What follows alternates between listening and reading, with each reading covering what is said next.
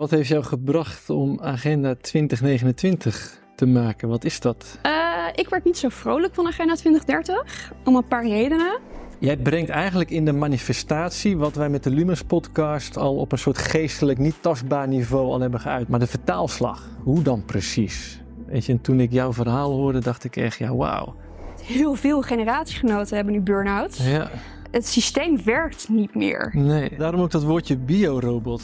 Dat zijn we gewoon niet. Nee, dus en, en, ook al roepen wij heel hard bewust, dat ben ik wel, ik kan werken. Ons onderbewustzijn is nu nee aan het zeggen.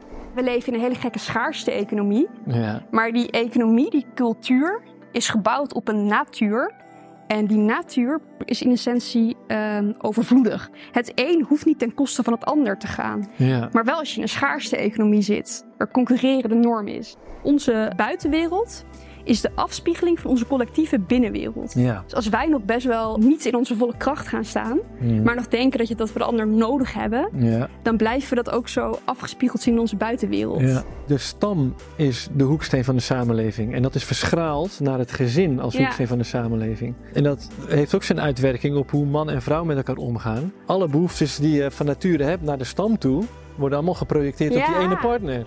Hoe beter je voor de bodem zorgt, hoe beter de bodem voor jou zorgt. Die kennis is er. Ja. Dus niet jouw impact verkleinen Nee. als vernietigend wezen, je impact vergroten als constructief wezen. Ah, precies. Ja. Het is veel dichterbij dan we denken. Ja. Het is een bewustzijnsshift bij ons vandaan. Ja. Maar er is in essentie overvloed. Ja. En ik vind dat de tijd nu rijp is dat we daar weer mee gaan intunen.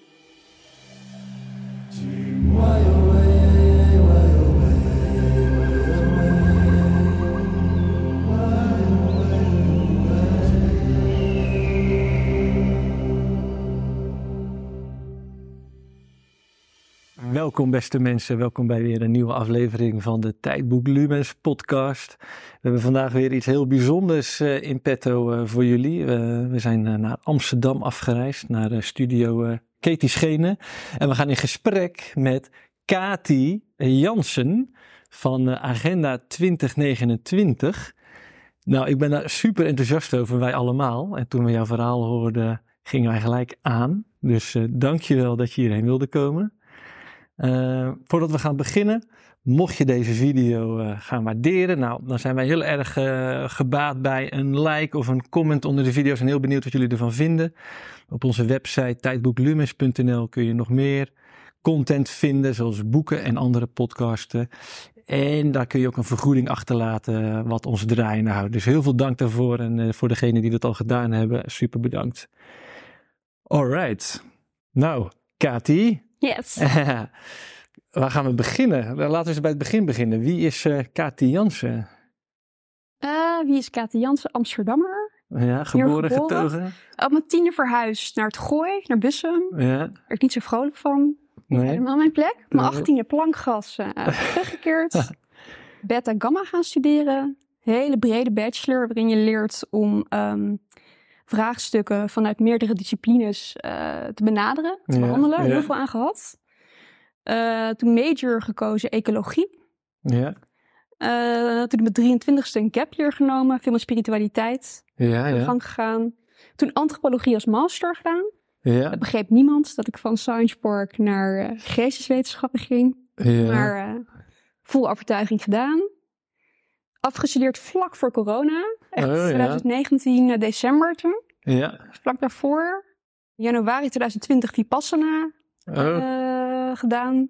Toen ik 25 was, was echt zo'n omkeer was dat. Dat was een diepe ervaring. Ja. En toen ehm, allemaal losse dingen gedaan eigenlijk. Ehm, toen had ik eh, dit geschreven eigenlijk, de draft. Dat kwam er heel snel uit. De draft van Agenda 2029. Ja. Dat heeft ongeveer een jaar op mijn bureaublad gewoond. Ja, Dat ja. staarde me een beetje aan, er moest wat mee. Ja, ja. en sinds een jaar geleden ben ik dit lekker eh, de wereld in gaan zetten. Met heel veel plezier, dat moest echt de wereld in. Ja. En daarnaast in een bijbaantje in de zorg. Ja. Is heel erg personeelstekort. Dus eh, ja. Mooi. Mooi. En eh, wat heeft jou gebracht om Agenda 2029 te maken? Wat is dat? Ja, wat me ertoe bracht was. ehm, ik gaf het dat woord nog niet, maar ik was altijd heel erg. Het potentieel was me altijd heel erg duidelijk. Ja. Eh, ik was veel, eh, dat vertelde ik net niet, in het politieke domein actief. tijdens mijn studie. Ja. En ook tijdens middelbare school. Ik was echt een nerd. En ik zat bij, al bij een politieke jongerenpartij op mijn vijftiende. Dat is een beetje Zo. het schutting van die eh, organisatie was ik. En daar ben ik tot mijn 22e actief geweest. Ja. En ik weet nog, op een gegeven moment had ik een ehm, eh, motie geschreven voor ehm, zelfontwikkeling op middelbaar onderwijs. Toen was ik 22, 23. Ja. Ik vond dat, ehm, dat we op eh, middelbaar onderwijs de ruimte moesten krijgen om het zelf te ontwikkelen. Ik had zelf best wel depressies gehad als puber. En ik was toen naar een coach gegaan, dat had me heel goed geholpen. Ja. En ik dacht, wacht eens eventjes. Nederland heeft zoveel kennis aan ehm, hoe jij gelukkig kunt zijn en je kracht kunt zijn. Mm. Waarom krijg ik wel eh, wiskunde B en natuurkunde en scheikunde op de middelbare school? En leer ik niet hoe ik vanuit mijn kracht kan leven, zeg maar. Juist. Dus ik had een motie geschreven voor goede moed bij die eh, politieke partij. En ik kon aantonen van, eh, kijk, als je dit doet, eh, dat zelfontwikkeling, dan worden jongeren veel gelukkiger. En ik kon ook studies laten zien ergens in Amerika dat suïcidegehaltes omlaag gingen. Dus het was beter voor de, voor de kinderen. Mm. En ik kreeg serieus terug op dat congres. Ja, maar gaan de cijfers ervan omhoog? Wel- Welke cijfers moesten omhoog De gaan hen? schoolprestaties. Oh. En ik dacht, wow, nou, kinderen worden gelukkiger. eh, ze staan meer in hun kracht. Dat heeft toch hele grote intrinsieke waarde, dacht ik. Eh, Maar zij zeiden, dat was gewoon wat ze echt vroegen, van, maar eh, gaan de cijfers van omhoog? ja. ja. Het had ook een hele grote eye-opener van, wij kunnen schatten aan kennis hebben over bijvoorbeeld in dit geval gelukkig zijn en in je kracht staan. Mm. Maar als wij geen legitieme doelstelling hebben, gaan we dat nooit toepassen. Het moet meetbaar zijn in iets. Ja, meetbaar, nou überhaupt al hieraan kunnen toewijden. Ja, ja. Als jouw doel puur is, die kinderen moeten onderwezen worden, ja. Maakt niet uit of ze ongelukkig zijn. Het boeit niet als ze onderwezen worden. Mm. Dan kunnen wij schatten aan kennis hebben over ehm, hoe je in je kracht staat. Hoe je jezelf leert kennen. Maar dan passen we dat nooit toe. Ja. En toen zag ik echt, wow, er is echt ontzettend potentieel. Wat niet gerealiseerd wordt. En dat was echt een beetje een... ehm, ik dacht, als we nou gewoon niet weten hoe we gelukkig moeten zijn, oké. dan is het prima dat er heel veel mensen ongelukkig zijn. Maar Ja. we weten hoe dat kan. ja. En dat Ja. ging een beetje kriebelen van, hallo, dat mag echt... eh, Dus jij had het al ontdekt op eigen houtje. En jij zag toen van, al, hé, waarom is het eigenlijk niet wat, wat collectiever eh, in aanbod ja. op scholen en zo? Ja, klopt. Ja, want ik was dan, eh, ik had dan fijne ouders die dat eh, natuurlijk daartoe stimuleerden, Ja, maar ja. niet iedereen. En, en ik zag heel veel mensen aan antidepressiva gaan. Ja. En ik dacht dat het kan niet zo zijn dat er een hele generatie nu is met iets neurologisch Mm. waarom je niet gelukkig kan zijn. Dus dat je dat Mhm. nodig hebt. Eh, er moet een manier te vinden zijn zonder antidepressiva waarop je gewoon gelukkig kan zijn. En dat, dat, dat, dat, dat was ook een drive. Van dat, ehm, Ja, prachtig. ja, dat Maar- was een beetje, eh, ja. Dat is ook waar wij op, op, op aansloegen. En, en nou ja, het is wat je hebt gemaakt, agenda 2029 is een beetje een knipoog naar agenda 2030. Mhm. Eh, wat kan je daarover vertellen? Ik werd niet zo vrolijk van Agenda 2030. Om een paar redenen. Ja. Het is heel erg top-down. Dus ik vind het een beetje raar dat wij in het Westen eh, gaan bepalen hoe een boer in Afrika zijn bedrijf eigenlijk zou moeten handelen. Of eh, weet je, wij zeggen dan dat er hè, SDG 1, Sustainable Development Goal 1, Ja. is geen armoede. ja. En dan gaan wij ook invullen top-down hoe zo'n boer eh, uit de armoede komt. Dat vind ik een beetje vreemd. Juist. Ja, dat wij weten hoe het moet. Dat was een ding wat me al eerder opviel. Ja, ja. Dus dat was puntje 1. Puntje 2 was dat het erg gericht is als je goed kijkt. Eh, ik denk dat er trouwens heel veel mensen met hele goede intenties aan werken. Mhm. Dat, dat zie ik echt. Ik, ik- Zeker. Ja. en, hoe, en het klinkt ook heel fijn. Geen honger en iedereen naar school en iedereen... ehm, Nou ja, het klinkt op het eerste gezicht ook heel aantrekkelijk. Ja. Weet je? En ik hoor ook heel veel mensen om me heen eh, nou, dat omarmen. De United Nations eh, Agenda 2030. Eh, ja, en het klinkt ook inderdaad op het eerste gezicht gewoon mooi. Maar als je dan, dan verder kijkt, denk je, oeh, maar dat kan eigen le- levens gaan leiden in verschillende richtingen. En welke richting gaat het dan precies op? mhm. Wie stuurt dat? Dus ik vond het wel leuk. Ik heb jou een keer horen zeggen. Het, het was wel aan een update toe. Ja, nou ja, het is een update toe. En ik ben 29. Eh, ik sta aan het begin van mijn carrière. ja, Ik vroeg me ook gewoon af, waar ga ik mijn kennis en kunde aan ten dienste stellen? ja, Want ik zag die SDG's zitten in alles verweven. Ik heb even bij een start-up kort, kort gewerkt. Ik heb een laboratorium, heb een kort eh, stage gelopen. Die SDG's waren gewoon in heel veel eh, organisaties verweven. juist. En SDG staat voor Sustainable Development Goal. Goal, Ja, Ja, dat is dan de universele naam. Ja. Of duurzame ontwikkelingsdoelstellingen maar dat, in- dat, dat gebruiken we in eigenlijk het niet. Nederlands. Ja. ik heb hier het rijtje voor me liggen. Zowel ook jullie alternatieven. En wat ik ook bijzonder vind aan, uh, aan jouw verhaal, is Jij brengt eigenlijk in de manifestatie wat wij met de Lumens podcast al op een soort geestelijk, niet tastbaar niveau al hebben geuit. Meer nog conceptmatig, abstract, non-duaal en hoe willen we dan leven. En dat klinkt allemaal super. Mensen zijn super enthousiast. Maar de vertaalslag, hoe dan precies? Weet je, en toen ik jouw verhaal hoorde, dacht ik echt, ja wauw. Jij gaat het aan. Jij, jij zet iets in de wereld op een non-duale manier. Die heel menselijk is en universeel is. Waar iedereen zich wel in zou kunnen herkennen. En zo niet is dat ook oké. Dan geef je er ook alle vrijheid in. Je wil niemand overtuigen. En ik dacht, wauw, je bent eigenlijk een soort concrete manifestatie van alles wat we met Lumens uh, gebracht hebben op een uh, meer ja, niet tastbare laag. Ja, ik voel er van jullie kant weer bedding op dat gebied. Ja. Dat jullie je daar even echt aan hebben toegewijd dan kon ik dit doen, zeg maar. ja, vond ik heel leuk. Ja. Dat je dat zei. En je gebruikt ook wel eens citaten van onze website. Ja, ja, bezielde mensen creëren een bezielde wereld. Dat vond ik heel mooi. Ja, bij mijn RPG over uh, eerbiedige productie. Dat je met eerbied iets gaat produceren. En ja. eerbied iets consumeert. Ja. Als dat door een bezield iemand gemaakt is, dan ja. meteen bam, erbij. Uh, super mooi. ja, en RPG staat dan voor Realized Potential Goals. Ja, ja. En dat zijn dan de doelstellingen van de agenda 29 van jou. En dat is dan een beetje een soort, nou ja, bezielder alternatief, in onze ogen dan, voor agenda 2030 van de United Nations. Je kan het bezield noemen. Um, ik vind het grappig, ik heb één vriend van mij. En soms hebben we het over hetzelfde, maar gebruik ik het woord bezield. Dat ik een ziel heb. En hij zegt, nou, ik heb een essentie. Ja. En dat is dan een subtiel verschil maar hij gaat helemaal af op het woord ziel. Ah, ja. Terwijl, uh, wat ik heel tof vind, ik krijg af en toe mails van mensen en die zeggen, eindelijk is dit geschreven.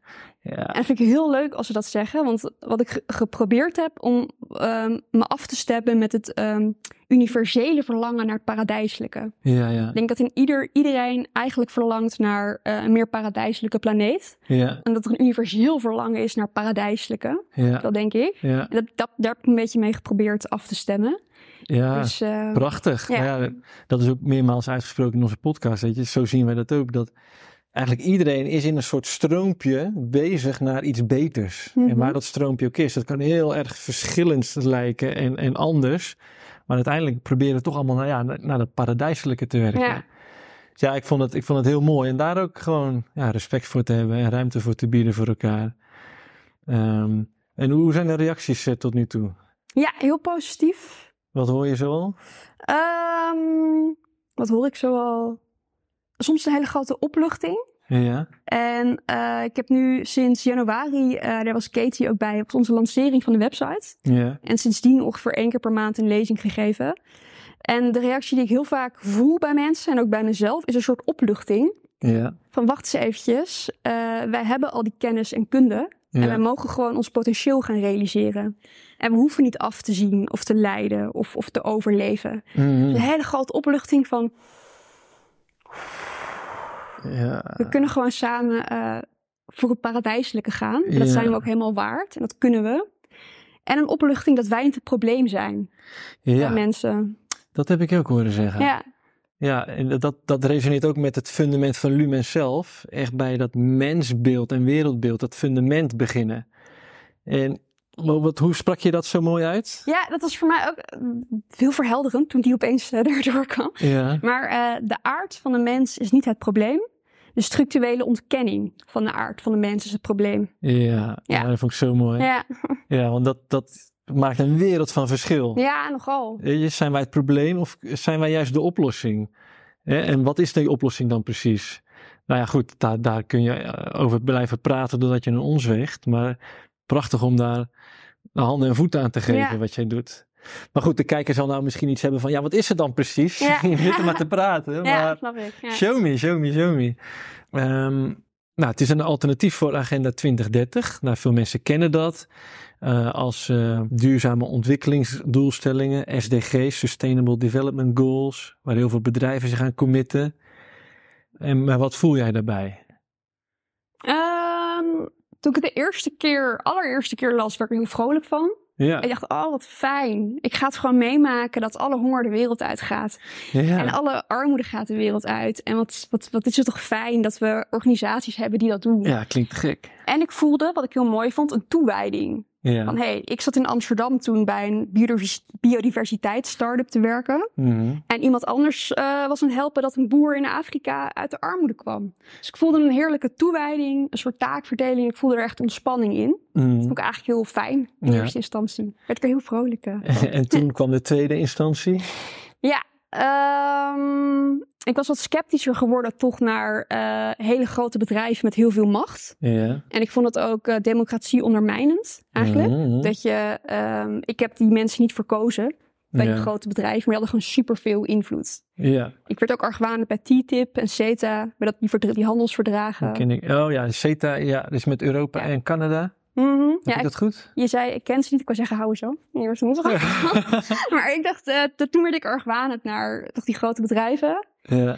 Ehm, en merkte ik gewoon ehm, ehm, dat, het, dat er heel veel vanuit de SDG's top-down geregeld wordt. Dus de Ja. Verenigde Naties die beslist dat we uit de armoede moeten bijvoorbeeld. Dus Ja. SDG 1, geen armoede. ja. En dan heb je een boer in Afrika die op papier geen geld heeft. Mhm. ehm, eh, maar in praktijk gewoon nog aan handel en dergelijke, aan ruilhandel doet bijvoorbeeld. Ah ja. En dan gaan wij bepalen, nee die heeft geen bankrekening, dus die is arm, dus die moet een bankrekening hebben. Oh ja. En dat vind ik heel vreemd.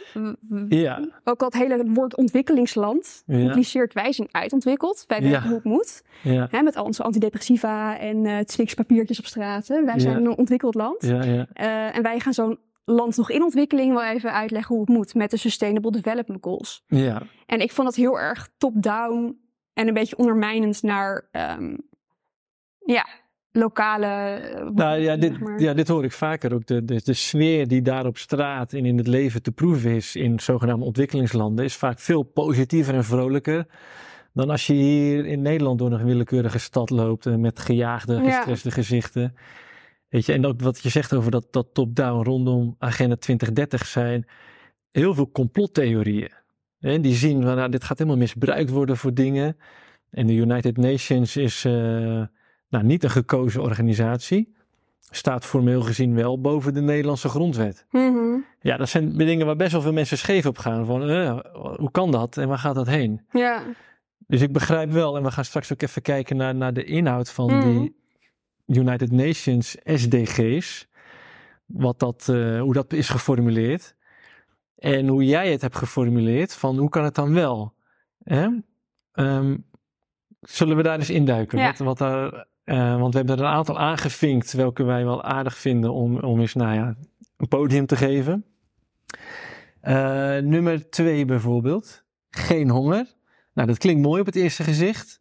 Ehm, maar ja, dat kan ook op heel veel verschillende manieren worden uitgelegd. Gaan de mensen dan eh, genetisch gemanipuleerd voedsel krijgen? Nou ja, Jan Storms bijvoorbeeld heeft dat bij ons uitgelegd.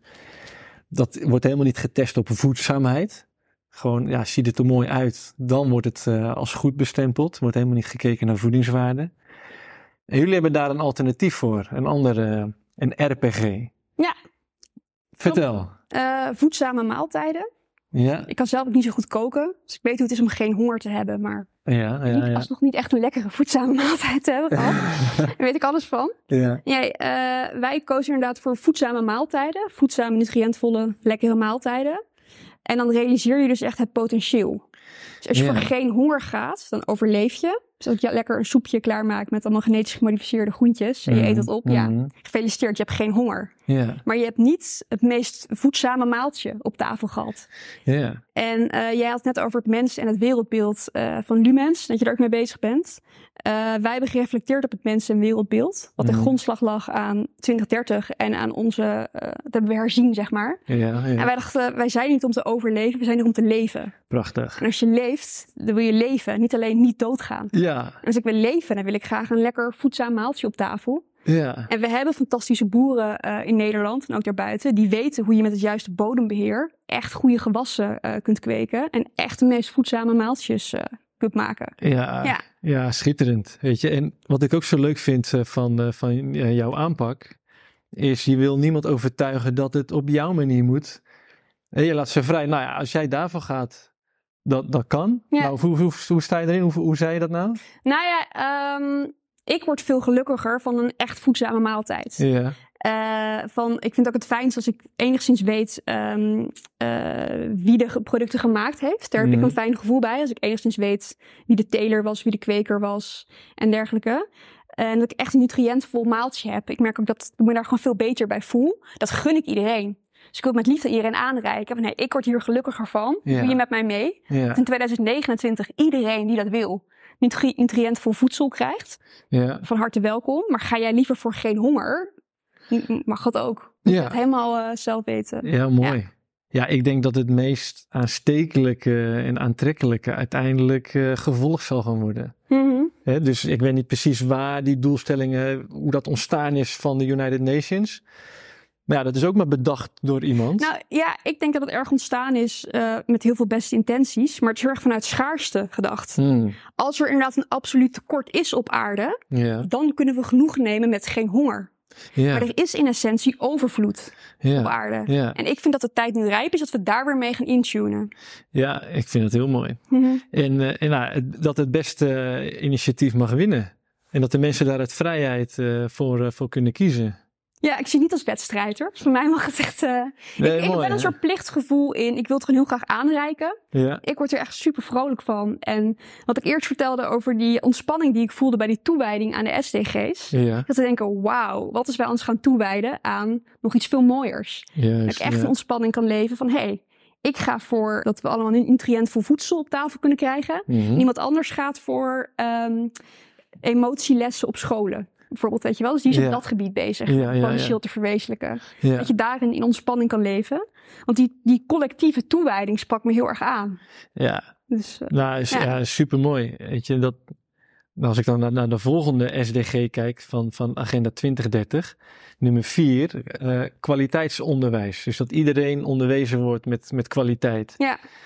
Nou, wat, wat was jou- jouw gevoel daarbij? Nou ja, als je daarop inzoomt, hè, dan is dus het doel, iedereen moet onderwezen worden. ja. Nou, ik ben heel blij dat ik onderwijs heb gehad Mhm. in ehm, onderzoek doen op de universiteit. Mhm. En in eh, lezen en in snel een tekst mijn eigen maken. ja, Maar dat was niet voor mij het, het doel. nee. Het doel was mijn ontwikkeling. En dat onderwijs wat ik genoten heb, is, was ten dienste aan mijn ontwikkeling. Dat was het middel. Ja, precies. Ja. Het onderwijs was, was, was, was, het middel voor mijn ontwikkeling. Ja, Ik dacht, ja, dan moet het doel zijn, ontwikkelde individuen. ja, En wat ik daaraan ook merkte, ehm, als je dus, ga ik nog even terug naar dat mens en het wereldbeeld. Als het Mhm. mens en het wereldbeeld is wat ik, eh, wat doorschemert bij Agenda 2030, dat er schaarste is, ja. dat we moeten overleven en dat we eigenlijk biorobots zijn, Mm. dan is onderwijs heel goed. Een biorobot moet je goed opleiden, die klaargestoomd wordt voor de maatschappij om te gaan werken. ja, Als het mens en wereldbeeld is dat er overvloed is, dat wij hier zijn om te leven en dat wij bezielde mensen zijn, dan ga je kijken, hey, hoe ontwikkelen de mensen zich? ja, Snap je? Dan is er, oké, wauw, er staat hier een eh, individu voor me, een, een jong mens met een, eh, met een essentie. Hoe kan die zich gaan ontwikkelen? ja, En inderdaad, het is handig als hij leert lezen. Dus dat, dat reik je dan aan. Dus onderwijs is er dan dienstbaar aan. ja. Weet je, ik hoor het je zeggen en het, het klinkt zo logisch. Ja, klopt. En ik denk dat heel veel mensen dat ook herkennen van als een middel als doel wordt eh, gesteld. Weet je, hoe vaak maken we dan niet mee dat het middel het doel voorbij streeft? Of dat, Ja.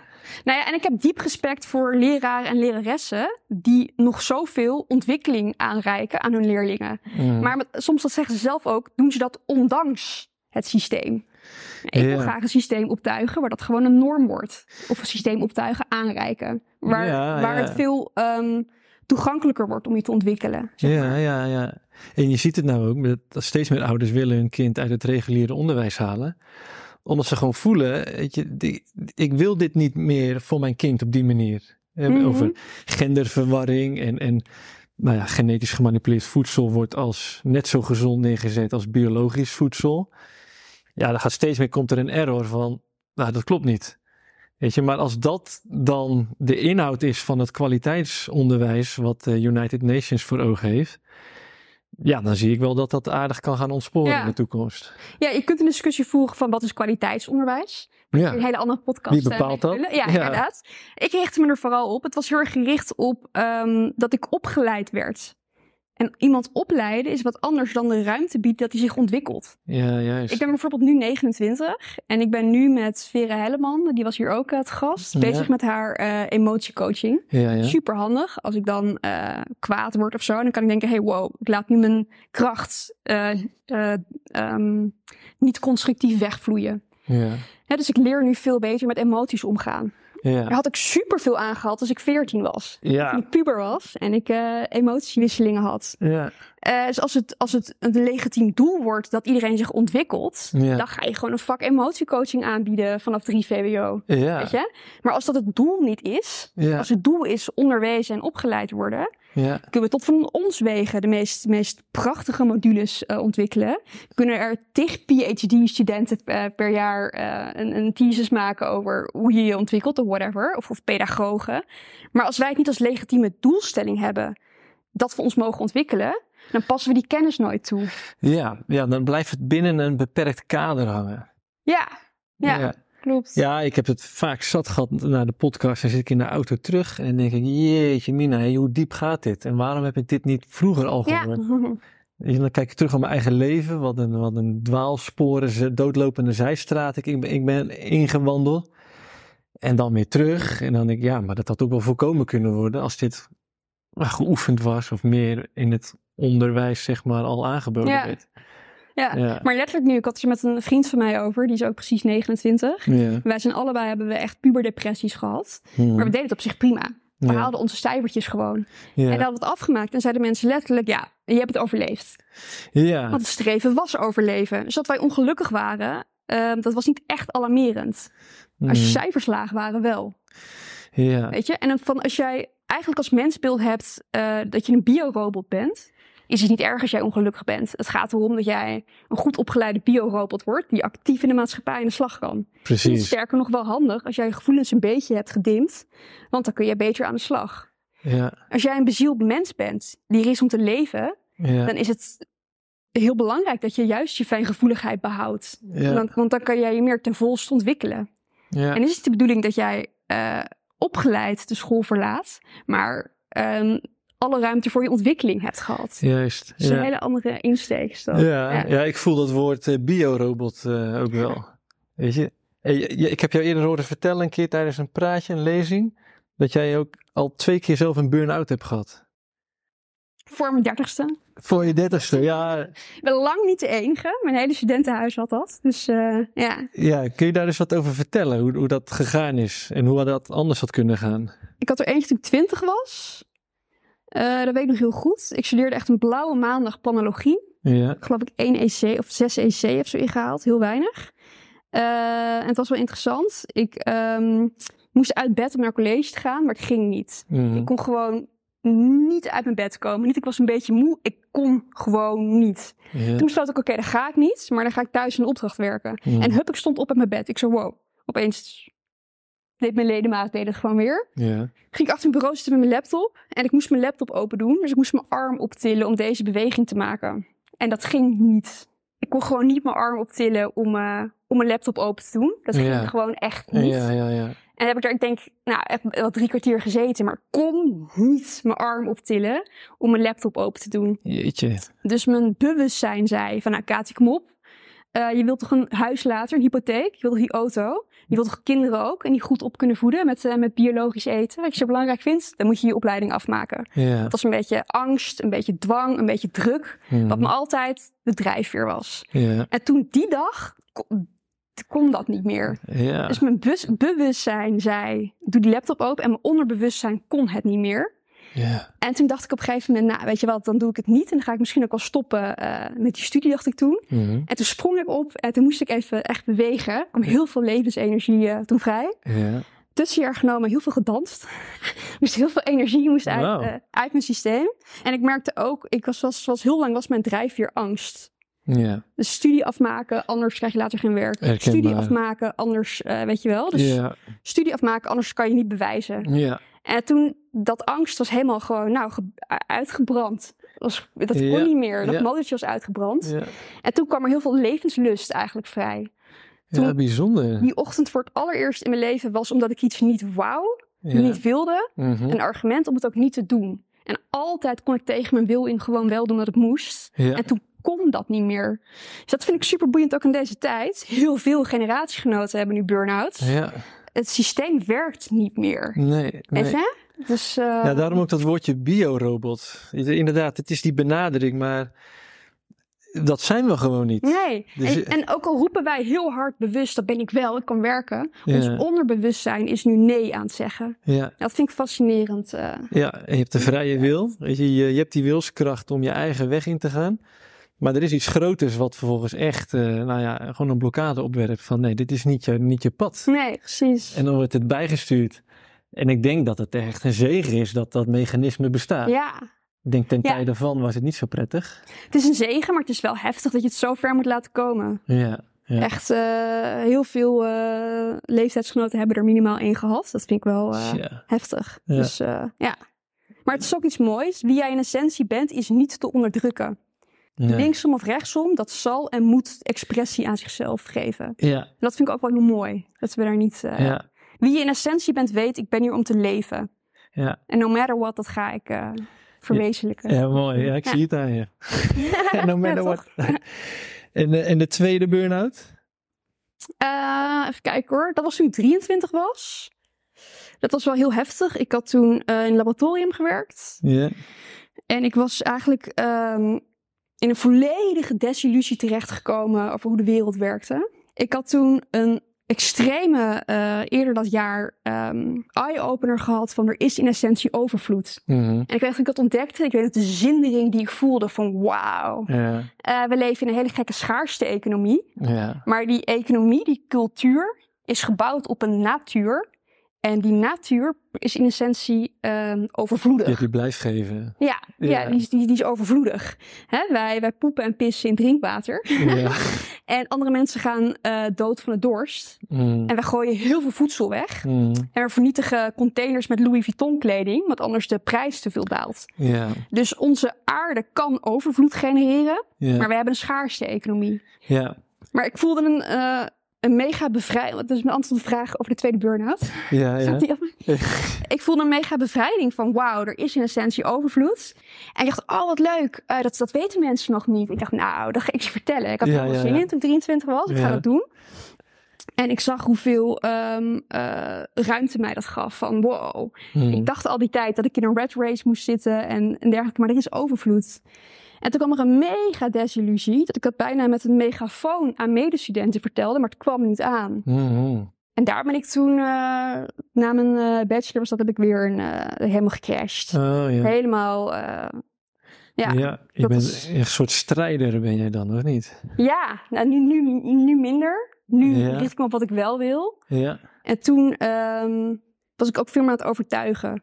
Ja, En- ja. Kijk, we zaten toen eens op Science Park. En we hadden bijvoorbeeld over het hongervraagstuk. ja. En toen zei iemand, oh wow, maar ik kan eh, een zakje maken met allemaal poedertjes erin. Mhm. Alles wat jij nodig hebt. Mhm. En daar doe je water bij, dat drink je op. En dan heb je alle voedingsstoffen eh, ehm, die je nodig hebt, heb je dan in je buikje. En toen zeiden wij, wauw, daar gaan we een start-up van maken. Dat gaan we doen, met die mentaliteit. Ja, Dus wij benaderden het hongervraagstuk als een technisch vraagstuk.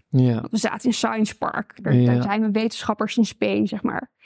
Ehm, maar het hongervraagstuk is helemaal geen technisch vraagstuk. Het is een verdelingsvraagstuk. exact. Weet je? Het is een distributieprobleem. Precies, het is, inderdaad. Het is, het is geen technisch vraagstuk. Nee. En het is heel. ehm, we kunnen inderdaad wel van die, van die, van die, van die. Een biorobot neemt genoegen met een zakje poeder. Mhm. Een mens geeft je een lekkere maaltijd. Ja, en, en nou heb je respect voor de mogelijke energetische ladingen die Ja. rondom vers voedsel zitten. Ja, precies. Ik zie heel veel mensen die een baby krijgen. Die Mhm. willen het aller, allerbeste en mooiste voor een baby. Ja, Die willen biologisch katoen in de kleertjes. Die Ja. willen biologisch eten. Die willen echt van wauw. Weet je wel? Eh, die zijn met, met liefde willen ze het beste voor hun kind. Mhm. Ze willen niet dat hun kind niet doodgaat. ja, Ze willen het beste voor hun kind. precies. Uit liefde. Ja, En wat zien we als we groter worden? Dan gaan we best wel, eh, zitten we in een systeem dat best wel gericht is op niet doodgaan. ja, Dus iemand een poedertje met water geven, ja, dan ga je niet dood. ja, Maar leef je? precies. Je Eh, Hoe is je vitaliteit? Ja. Ja, Maar ik heb die eye-openers van wow, het is een verdelingsvraagstuk. Ja, En er is in essentie overvloed. En we kunnen allemaal de zoetste vruchten van het aardse bestaan eten. makkelijk. Weet je wel? Het, hoeft niet, het, het een hoeft niet ten koste van het ander te gaan. Dat hoeft niet. Ja, Maar wel als je in een schaarste economie zit, waar concurreren de norm is. ja, ja. ja. Maar ik had toen dus een burn-out dat ik dus dacht van, oh wauw, dat, weten mensen. Ik ga het ze gewoon vertellen, maar het kwam niet aan. Dus het schaarste denken zat super diep. Mhm. En daar was ik al toen ik een desillusie van hier tot Tokio. Van wow. Ja. Ja. Stel jij had nou een andere vorm van onderwijs gehad. Dus niet eh, nou ja, de hokjes of de einddoelen. Maar jij had echt de ontwikkelingsonderwijs gehad. Wat je zelf net zo mooi omschreef. Hoe was het dan gegaan, denk je? Ehm, nou, toen ik eh, na dat, dat, dat akelige jaar met die burn-out, toen was ik op een festival in Zweden. Mhm. En het was een heel spiritueel festival. Daar heb ik heel veel ontwikkelingsstappen eh, gezet. En ik las daar de inleiding van een boek. En er stond: ehm, Mensen zijn in essentie goddelijk. Stond daarin. En dat, dat sloeg als een bom in bij mij. Ik zo, wow, dacht ik toen. Want ik had dus ecologie gestudeerd en over milieuproblematiek. Ik had een vak over ecotoxicology. Ja. Dan kon ik meten hoeveel gifstoffen er maximaal in het natuurgebied mochten. Dus heel erg ecotoxicology. Conservation biology. Dus over eh, een beetje bedreigde soorten ging dat. Conservation biology. Climate change en biodiversity laws. Mhm. Dat ging allemaal vakken over de wereld vergaat. En het is jouw schuld. ja. Ja, ja. Angst en schuld zat erin. En ik heb me heel slecht gevoeld over ehm, mezelf eigenlijk. Over, over het mens zijn eigenlijk. Ja. En toen op het festival in Zweden eh, las ik die regel in dat boek. Wij zijn in essentie goddelijk, maar dat zijn we helemaal vergeten. En ik had toen een mega opluchting van wow. Ehm, ik ben in essentie niet slecht of verkeerd. En mijn medemensen ook niet. Nee. Het gaf een ontzettende letterlijke verlichting van, van die last van slecht zijn. Eh, en ik kwam er ook achter dat ik dat al mijn hele leven onbewust dacht. Mijn hele leven onbewust had ik een slecht schuldgevoel over het mens zijn. Ja, daar heb dit ik je ook eens wat over horen vertellen. Ja. Toen jij een jaar of zeven was, die anekdote. Ja, ja, klopt. Ja. Maar dit is nog van, als ik dat op school al had gekregen, dat ik dus, Ja. want er is toen in- inderdaad inge, ingefluisterd eigenlijk. Toen was ik een jaar of zeven en we woonden in een vierverdiepingenhuis in Amsterdam met Ja. hele hoge plafonds. Ja. En ik had eh, als telg nummer vier, had ik eh, helemaal boven een, een kamertje. Eh, en ik had op het jeugdjournaal gezien eh, dat er steeds meer afvalhopen kwamen. Ja. Steeds meer afvalhopen en die afvalhopen werden steeds hoger. Ja.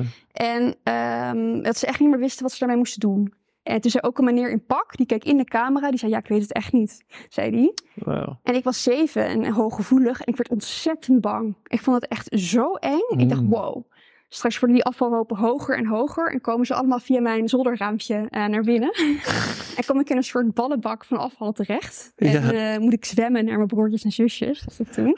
Maar ik was, ja, nee, Zeven jaar, ja. ja. ik- Jeetje. Maar ik lag oprecht met angst in bed. Ja. Eh, en ik dacht, wat, wat zijn wij vies en slecht bij mensen. Dat Ja. wij afval gewoon produceren. Ja. Dus vanaf dat ik zeven ben, kwam er toen een soort imprint. Eh, ik denk met, met de beste intenties, want die mensen waren ook bang. Mhm. En zaten ook in een schuldgevoel van ehm, de wereld vergaat, angst. Mhm. En het is onze schuld. Ja. En toen ik 23 was, kwam daar een soort verlossing van. Van wow, Ja. als wij in essentie eh, goddelijk zijn, als wij in essentie goed zijn, maar we zijn dat vergeten, ehm, dan zijn wij niet het probleem. Ja. Als mensen wel het probleem waren geweest, dan is het heel goed als je top-down allerlei. ehm, De, echt de, de, de regie in handen neemt. Van zo. Anders gaat het Beteugelen. helemaal... Ja. ja, je moet ze beteugelen, want ze zijn Ja. slecht. Ja. Eh, je moet ze verzorgen, want ze kunnen elkaar niet verzorgen. Ze zijn helemaal legitiem. Mhm. Zo'n dikke, vette verzorgingsstaat, weet je, vadertje staat die voor je Mhm. zorgt. Mhm. Ehm, en die je beteugelt dat je geen verkeerde dingen doet. Dus helemaal legitiem Ja. als wij slecht en slap zijn. Maar ik had toen dat inzicht. Wij zijn sterk. Wij zijn hele krachtige individuen. Ja. En ehm, wij zijn niet in essentie slecht, zeg maar. Nee. Dus we moeten ons juist weer gaan herinneren wie we werkelijk zijn. Ja. Kijk, ik- misschien dat er ook kijkers nou zijn die, die denken van... Nou, de mensen zijn wel slecht. Weet je, want voor jou klinkt het heel logisch. Je leest een boek en er gaat een lampje aan van ja, inderdaad, we zijn goddelijk en eh, we zijn wel krachtig. En de menselijke natuur is niet het probleem, maar de structurele ontkenning ervan. Ja. Maar toch denk ik dat het voor veel mensen eh, lastig te accepteren is als jij dat zo zegt. Weet je, maar wat, wat, wat zou je dan eh, willen zeggen? Wat, hoe kom je daarbij dat het, eh, dat het voor jou een waarheid is? Ehm, dan kom ik daarbij. Nou, ik denk dat we in essentie ehm, in verbinding staan met alles wat leeft. Hmm. Als je op tv beelden ziet van een oerwoud wat afbrandt of zo, dan doen heel veel mensen doen dat pijn. Ja, inderdaad, dat doet pijn, ja. Die worden er echt verdrietig van. Ja, Ehm, ik denk dat het komt. Je kunt het heel erg rationeel verklaren van ja, want ehm, bomen geven ons zuurstof. Hmm. Trouwens, zuurstof in tropische oerwouden wordt meteen door dat systeem verbruikt. Maar alsnog, in general geven bomen zuurstof. Dus je kunt ehm, redeneren van iets wat mij wat geeft, brandt af. Dus dat is vervelend. Maar ik denk dat de echte verklaring is dat je ermee in verbinding staat. Hmm. Je staat in verbinding met alles wat leeft. Als je dat niet meer voelt, dan kan je heel destructief gaan doen. Maar dat is niet omdat jij destructief bent, maar omdat je die verbinding niet meer voelt. Ja, ik- ja, die voel ik, ja. Dus Nee, ik, ik heb het zelf ook wel eens zo ook volumens uitgelegd. Van ja, als er aan de andere kant van de wereld een ramp of iets gebeurt, dan raakt het je hier direct in het hart. Je gaat niet door een verhaal en in je hoofd van, oh, want ze produceren voor ons, whatever. Ja, Je voelt gewoon, het is je medemens. Er is leed. Oh, ik wil helpen. Weet je, dus in, in- ja, dat voel ik dus ook diep van binnen. Dan wordt er iets geraakt. En ja, dat is gewoon Ja, de echte maar essentie. dat is jouw natuur, Ja. waar jij waarschijnlijk heel vaak niet in erkend bent. Hmm. Toen ik zes jaar oud was, Mm. toen had ik een boterhammetje pindakaas, zat ik te eten. Hmm. En ik vond het niet meer lekker, dus ik zo, hup, ik gooide hem weg. Ik kon heel goed mikken, zo tjoek, in, de- in de prullenbak, in, eh, in groep 2. En ik had een super lieve kleuterlerares. Maar die zei, Katie, wat doe je nou? Er ja. hebben kindjes honger in Afrika en jij gooit gewoon een boterham weg. Ja. En ik heb dat heel scherp onthouden, dat ik met de pletter schrok. Hmm. Ik zei, hebben er kindjes honger in Afrika? Ja. Is dat zo? Ik wist dat niet. Nee. Dus ik schrok met de pletter. En ik dacht, wow, er hebben dus nu, as we speak, Hmm. kindjes honger in Afrika. Ik dacht meteen, eh, nou, dan gaan we naar, ga ik, hoe gaan naar huis. Mijn vader heeft een grote Volvo, een grote blauwe Volvo. We laden de achterbak helemaal vol met boterhammetjes, pindakaas, flesjes water. En we rijden naar Afrika. Ik dacht, dat is één slagje verder dan België. Dacht ik toen, dat, gaan we dan toch nu gewoon doen. Maar zij zei toen, eh, jongens, eh, lunchpauze over, we gaan buiten spelen. Ja. En ik dacht toen, ik weet dat nog het conflict wat ik toen voelde van, hè? Hmm. Maar dit klopt toch niet? Nee. En ik, en ik weet dat ik er toen daarna dacht, ehm, misschien begrijp ik dat later wel. Ja. Maar toen had ik echt een error van, Ja. dit klopt toch niet? Weet je wel? Ja. Ja. Dat was echt zo'n error moment. Van, ehm, dus dat was mijn punt met, eh, dat de- die vrouw deed dat niet expres, maar zij ontkende toen ehm, dat ik in verbinding stond met alles wat leeft. Mhm. En zij ontkende mij als heel sensitief wezen. Ja. Dus ik ben ja. toen een beetje gaan afleren om te, eh, te schrikken. Als je Hmm. leed ziet bij een ander, maar lekker Ja. voor mijn eigen hachje te gaan. Ja. Ehm, en om je gevoelens maar gewoon hup en lekker naar te gaan buitenspelen. Ja. Dit zijn niet met slechte intenties, maar dat is dus mensen in het wereldbeeld wat overal zit ingecijpeld. Ja. Dus jou wordt ja, aangepraat, klinkt een beetje negatief, maar het is doordrenkt met je bent afgescheiden van elkaar. Ja. Ja, ja, het doet mij gelijk ook denken aan een verhaal wat ik zelf heb meegemaakt toen ik een jaar of dertien was. Mhm. Toen ging ik na een economieles naar de, naar de leraar toe. Want die had die les verteld over staatsschulden die maar opliepen. En ik weet niet meer precies waar het over ging, maar het zou gaan klappen. Het was onhoudbaar. Ehm, dat was een beetje de strekking eh, van het verhaal in mijn ogen. Dus ik ging naar hem toe. Ik zei, maar waar gaat het nou echt heen dan? Ik bedoel, dat, dat moet een keer misgaan. Dat gaat dan klappen. En toen keek hij me met droge ogen aan van ja, inderdaad, dat gaat ook helemaal mis. En toen kreeg ik ook een soort gelijke error. Ja. Van, maar hoe kun jij hier dan les in geven? Mhm. Moet jij dan niet gaan praten over hoe we dat kunnen opvangen of zo? Nou, mijn reactie was dat ik afhaakte bij volwassenen en autoriteit van, nou ja, ze doen maar wat. Mhm. Ze- Het lijkt alsof ze het allemaal wel weten, maar... En ik ben een beetje toen afstand gaan nemen, lekker mijn eigen dingetje gaan doen Ja. en lekker op sporten gaan richten en, eh, ja. en whatever. Eh, maar nu komt het ineens heel dichtbij in deze tijd. En nu denk ik, nee, dit is echt iets om, om recht te zetten. Ja. En precies wat je zegt, ik voel het ook. Bij zoveel mensen is die resonantie diep van binnen. Van we zijn heel anders dan dat we altijd gedacht hebben en zijn gaan geloven Ja. ergens. Echt Maar wij, illusie. krij- ja, wij krijgen dus echt burn-outs van ik heb zo lang gedaan alsof ik, eh, alsof, ik alsof je ehm, nou, bijvoorbeeld hier bent om te overleven. Maar ja. je weet gewoon nog van binnen, nee, ik ben hier om te leven. En er komt nu gewoon een tijd dat dat, dat niet meer... Ja. eh, Ja, Ja, dat je, we herkennen het allemaal. Weet je, als, als we ontroerd raken door, door een mooi muziekstuk of, of we zien eh, mooie kunst of in de natuur. Dat we ineens zo diep van binnen zoiets groters voelen en in zo'n ontroering terecht kunnen komen. zonsondergang, Ja, mensen dat. Dat je helemaal ja. kan mijmeren.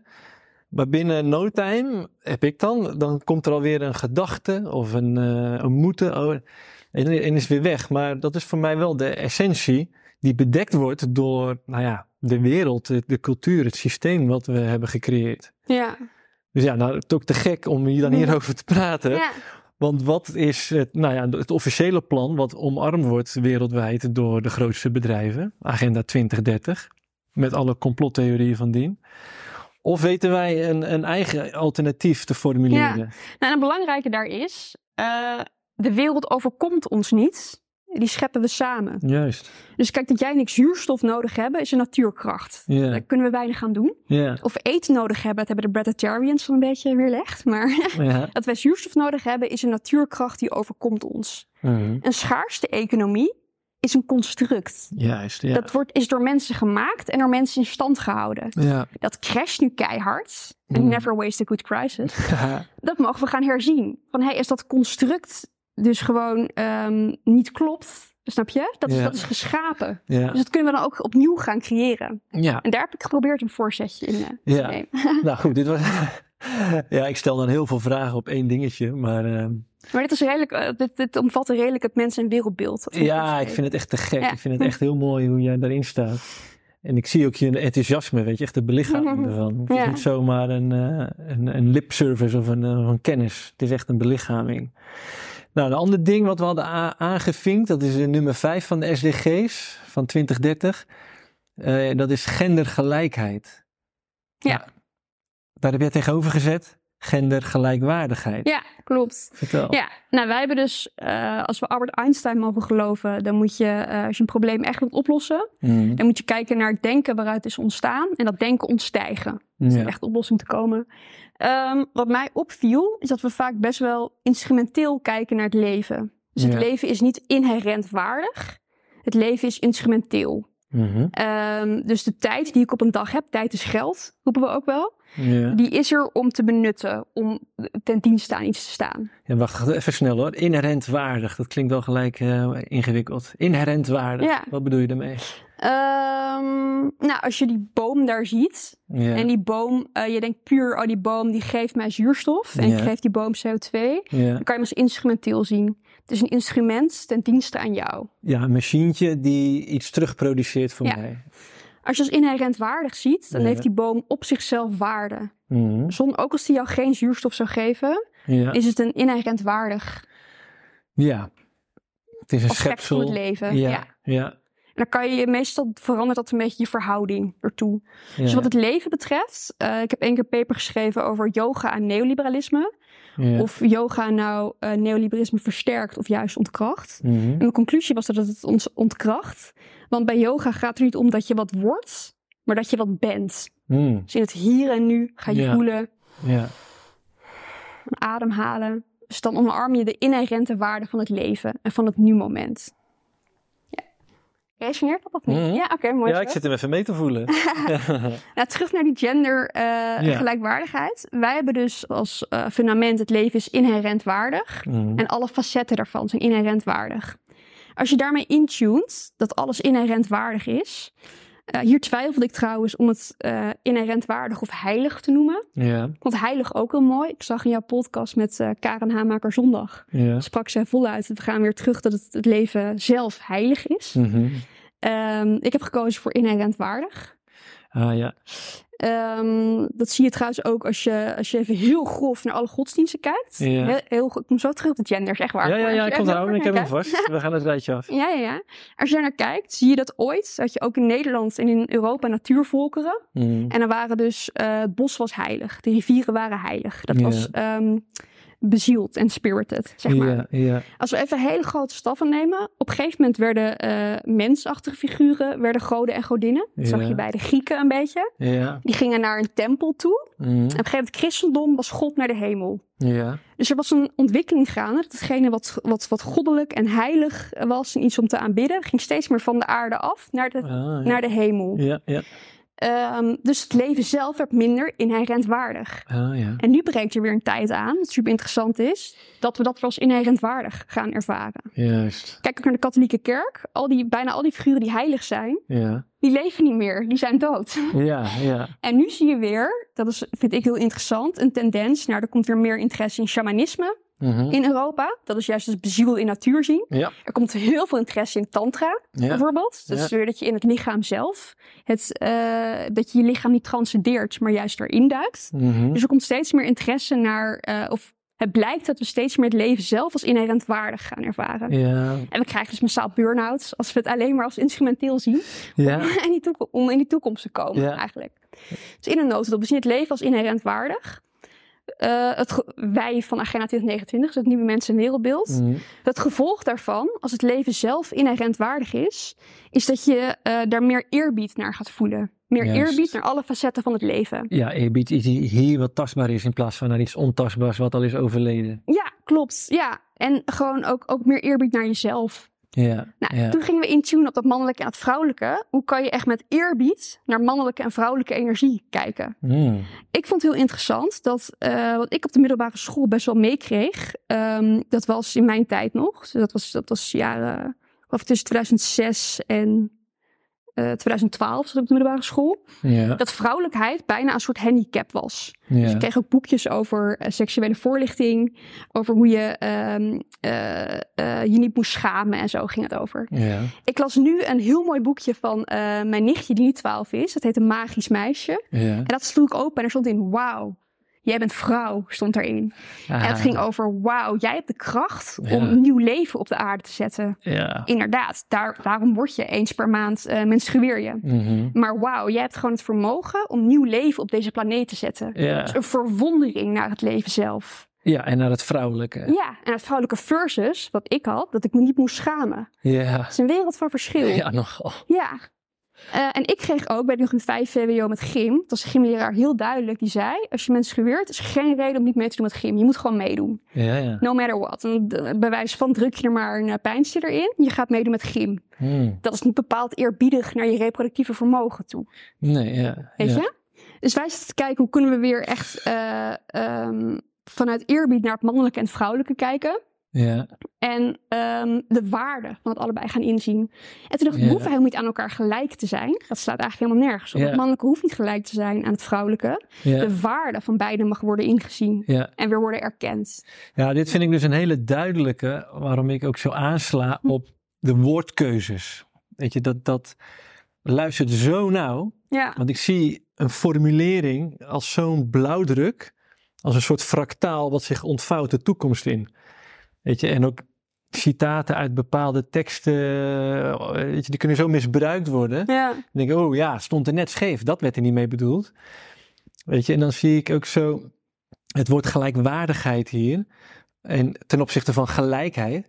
Wat is gelijkheid precies? Betek- in mijn ogen betekent dat hetzelfde. nou, dat betekent dus dat ik een, een pijnstiller moest nemen om mee te kunnen rennen met gym. Zodat je hetzelfde kan Ja. doen als de rest. Min of meer. Dat ik, dat ik moest meerennen met de mannen, ja, zeg maar. we zijn niet hetzelfde. Nee, precies. En het Maar is we toch- zijn, ja, ja, het maar is we hebben wel dezelfde waarden. We Ja. zijn wel gelijkwaardig.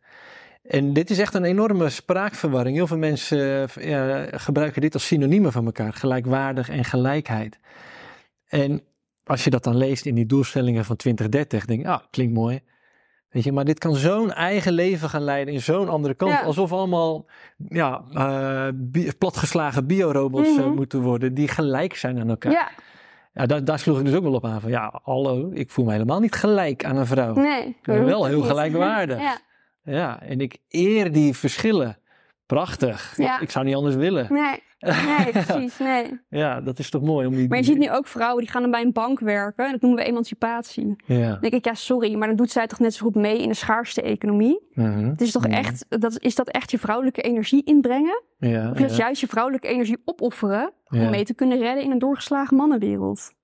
En als een man bij een bank gaat werken, wat zie je dan? Soms ook, ja, wat zie ik dan? Ehm, ik denk soms ook nog steeds doorgeslagen mannelijke energie. Van ehm, willen heersen en dergelijke. Wat je ook met geld ziet. Ja, weet je, ik, ik zie dat we dat beide zeg maar in een, in een soort onvolwassenheid zitten. Het mannelijke en het vrouwelijke. En het mannelijke uitzicht in een ongezonde dominantie, willen overheersen. Mhm. En het vrouwelijke ongezonde uitzicht dan in een zichzelf wegcijferen. Dus juist de Ja. andere kant op dan wat het ongezonde mannelijke doet. Dat, Nou, nou, dat is super interessant, want ik werk dus in de zorg nu. Doe ik altijd een beetje als bijbaantje. En wat ik heb gemerkt is, soms werd er van mij gevraagd dat ik mijn, ehm, vrouwelijkheid een beetje opofferde, zeg maar. Ik moest gewoon meedoen met gym Ja. en dergelijke. Dan je, vind ik niet dat je dan eerbiedig bent naar je eigen ro- reproductieve vermogen en naar je Mhm. sensitiviteit. Ik moest gewoon meerennen. En andere momenten, ik weet nog toen ik, ehm, ik heb heel kort bij een eh, blijf van mijn lijfhuis gewerkt. Ja. Een zomer. Dat vond ik op Ja. zich heel leuk op de afdeling waar de kinderen kwamen. Dus Ja. kinderen die tijdelijk niet thuis konden wonen. Nou, heel verhaal. En er waren meisjes in, die, in dat lokaal heel lief met poppen aan het spelen. Zag er Ja. super schattig uit. Ja, oh, heel lief. En er was een jongetje, bloedirritant, met Duplo aan het gooien. En je hoorde dat keihard zo schellen in je oren, zeg maar. Oh, ja. Ik had toen de neiging om tegen die meisjes te zeggen wat lief. En Mhm. tegen dat jongetje zeggen dus niet zo irritant. Terwijl hij gewoon met zijn kracht aan het oefenen was. Mhm. En op dat moment, hij hoorde helemaal niet in een lokaal. Hij hoorde in het bos ergens te spelen. Mooi. Met misschien een rolmodel. Ja, Dat het pijn deed aan mijn oren, was niet zijn probleem. Hij hoorde helemaal niet in een lokaal te zitten. mooi. En ik had de neiging toen om zijn, dat was een beetje mannelijk krachtgedrag, te, eh, te zeggen dat ik dat niet doe. Ja, Ik heb het gelukkig ingehouden, maar dat was wel een eye-opener van wow. Ja, Soms keuren we het mannelijke af en soms keuren we het vrouwelijke af. We zouden daar gewoon weer met eerbied naar mogen kijken, zeg maar. Vanuit onze eigen programmeringen gaan we dat ja, doorgeven als we er Mhm. niet bewust van zijn. Met alle gevolgen van dien. Ja, en misschien nog één laatste element. Wij gingen in groep 7 op de vrije school met archetypes werken. ja, Eh, en eh, ik was best wel tomboy. Ik was een heel stoer meisje vroeger. en ik had allemaal, ik had dus een bus op school met allemaal bloem, meisjes met bloemetjes, jurkjes, zeg maar. ja. En ik weet nog toen met archetypes kreeg ik het archetype Athena. Dat was een hele, hele krachtige Ja. vrouw was dat. Mhm. Vond ik super cool. En ik weet nog dat ik dat heel erg, toen ik, toen dat ik veel meer trots was om vrouw te zijn, zeg maar. Ik dacht, oh wow, als vrouw kun je ook krachtig en heel stoer zijn. Mhm. Dus eh, bij mij waren die kaders van genders nog heel solide. Ja, Er was geen grijs gebied. ja. Waardoor ik binnen dat kader mezelf moest vinden. En ook mezelf gevonden heb, gelukkig. Maar ook ontdekken hoe rijk dat kader eigenlijk was. ja, Dus ik heb de meerwaarde ontdekt van juist wel die afbakening van die genders. ja. Want die zijn, die, wat- dat was ontzettend rijk. Mhm. Athena was echt een van, oh wow. Ik voelde toen echt in mijn onderrug als meisje van elf. Was toen ging ik ook speerwerpen met gym toen. En hoe cool dat was. Ja. En dat je en vrouwelijk en krachtig kon zijn. ja. Ik denk dat er echt oprecht non-binaire bestaan. Mhm, mhm, En er bestaan zeker. oprecht eh, transgenders. Dat wil ik niet ontkennen. Mhm, Ehm, maar er bestaan ook eh, echt mannen Nou. en vrouwen. Snap je wat ik bedoel? Ik ben dus blij dat ik nu geen elf ben. Dat moet ik wel eerlijk zeggen. dat geloof ik. Ja, want ik, weet je, ik, ik kreeg toen, eh, door dus dit- dat solide kader, heb ik dat uitgediept. En Mm. kracht van het vrouw zijn erin gevonden. Mhm. Terwijl ik toen al, want die werd ook een beetje geacht om een beetje slap te zijn met gym. Ik dacht, oh wow, kan ik wel, kan je wel sterk en vrouw zijn? Ja, Ja, dat kan. ja. Dus dat was echt wel een meerwaarde, denk ik, voor, voor sommige mensen, dat het juist wel solide is, ja. die zeker, kaders. ja. Dus eh, ja. Mooi. Nou, eh, ik zit alvast even verder te spieken. Even kijken hoor. Tien is leuk, maar, eh, Oh, wacht. Hier nog maar jij mag eh, jouw podcast. nummer 8 van de, van de 2030-agenda. Eerlijk werk en economische groei. Ja. Ah, klinkt te gek. Haha. Maar wat is, eh, wat is jouw eh, gevoel erbij geworden? Nou, als jij, eh, dat, dat, dus voor mijn tweede burn-out, dacht ik ook zo. Ik moet gewoon werk hebben. Ik, wil, eh, ik was in een vierverdiepingenhuis opgegroeid. Dat wil ik ook voor mijn kinderen. Ik ook een Volvo en dingen, weet je wel. Dus inderdaad, ik moet zorgen dat ik werk heb. Nou, wat fijn. Ze werken aan werkgelegenheid. Want mijn, het doel is niet maar dat ik werk. En het Mhm. doel is dat ik overleef. Mhm. Dikke prima.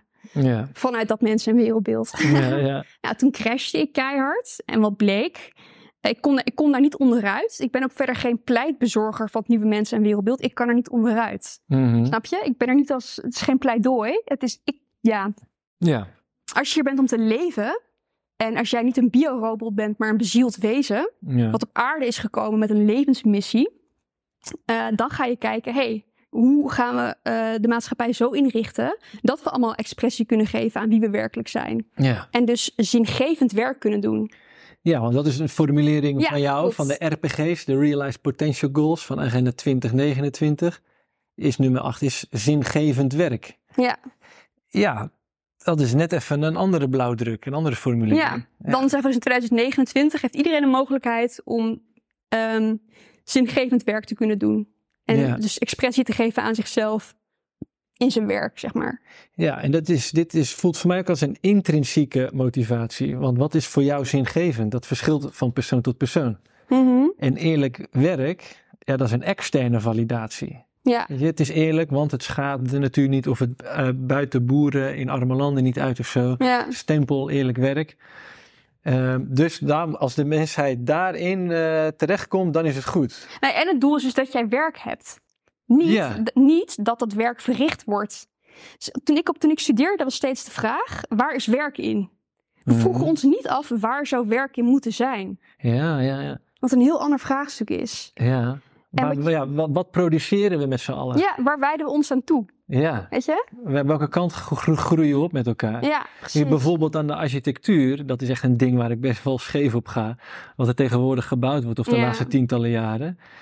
Ja, het verschraalt. Het wordt anoniemer, het wordt minimalistischer, het wordt kaler. eh, alle details gaan er vanaf.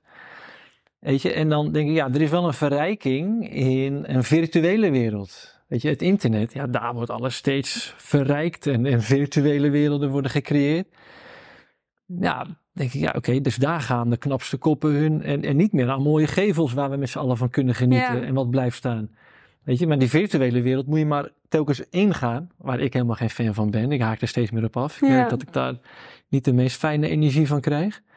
Maar dat is wat we dan vooral produceren met de huidige cultuur. En denk ik, ja, laten we echt zingevend werk eh, gaan, gaan bedenken, waar, waarvan we echt intrinsiek voelen, dit willen creëren voor mezelf en Ja. omgeving. Dit moet gebeuren. Ja. Ja, Ik weet even niet meer wie ik dan quote, maar eh, ik las dat laatst dat eh, de beste minds of mijn generatie, dus de, de grote geesten, ja. die laten jou zo snel mogelijk op een advertentie klikken. Ja, ja dat, is, dat is waar de knapste koppen zich over Ja. buigen. Precies, terwijl we hebben depressies, burn-outs en dergelijke, weet je wel? Dus ja. dat is echt wel... eh, Ja, dan denk ik echt, ja jeetje, we, we hebben zulke problemen in de wereld.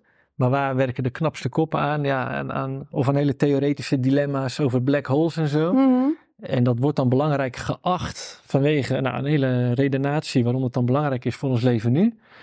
En dan kijk ik, maar wat gebeurt er nu op aarde? Nou ja, 101 crisissen inmiddels. En moeten we daar niet eh, Ja. volledige eh, zorg en aandacht aan geven? En dan zie je ook een verschil tussen ben jij waarde aan het verplaatsen? Dat doen ze op de Zuidas, in het Mhm. financiële circuit. Daar verplaatsen ze waarde en daar wordt geld mee verdiend. Ja, Of ben je waarde aan het creëren? ja, Waarde verplaatsen of waarde creëren is heel wat anders. ja. Een bakker die echt een goed brood bakt, creëert waarde. Ja, met goede granen, goede speld. Of, Ja. eh, ja. Zuurdees en whatever. Ja. Een mevrouw die echt fijne balletlessen geeft. Zodat een, zodat een meisje echt, eh, Ja.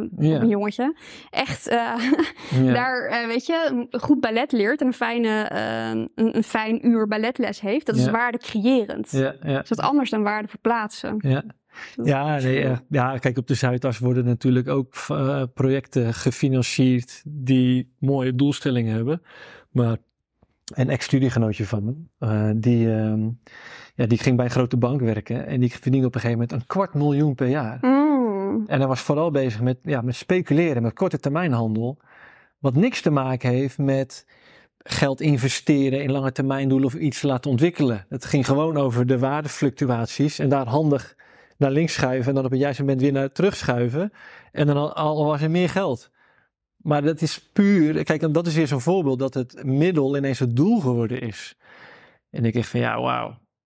Ja, leuk iedereen aan het werk, maar wat doen we dan precies? Ja. Maar als jij afgescheiden staat van alles wat leeft en als er schaarste is, Mm, is het helemaal legitiem wat je doet. ja. En we kunnen niet allemaal fijn leven, dus zorg daar maar goed voor jezelf, want er is schaarste. Terwijl als jij in verbinding staat met alles wat leeft en er is overvloed, is het ook normaal dat jouw kennis en kunde ook dienstbaar staan aan het geheel. ja, Dat is dan veel logischer, daar haal je er veel meer voldoening uit. ja, Want jij bent geen heel klein afgescheiden mensje. ja, Je staat in verbinding met alles wat leeft. ja, En dan voelt het ook veel natuurlijker om iets voor het grotere geheel te doen. ja. En dan gaat het ook v- vanzelf knagen van wat doe ik nou eigenlijk? Ja, En dat zie ik ook gebeuren om me heen. En dat, ik vind het ook hartstikke leuk in wat voor collectieve stroom we zitten met elkaar aan, aan bewustwording. ja. Want die mensen van in de dertig die hun ouders eh, hebben die ook in de financiële sector werken, denken ook, hmm, Mhm. is mijn pa nou gelukkig op zijn zestigste met zijn vier auto's, vrijstaande huis? Ja, ja, Weet je? ja, het is echt, echt zoeken, of ja, het, het vullen van iets externs. Ja, Dat is voor mij ook zo'n verschil tussen nou ja, hoe de wereld was en hoe die gaat worden. Hè, zijn we bezig met externe dingen bereiken en afdekken? Of eh, komt het van binnenuit? ja. Ja, Daar kan ik mooi op aanhaken met het consumptievraagstuk. Ja, nou, nummer 10 van de United Nations 2030. Ongelijkheid verminderen. Nou, en daar heb jij, het loopt niet helemaal één op één over. Het is niet een, die exacte spiegeling, maar daar staat tegenover bij jou nummer 9 dan.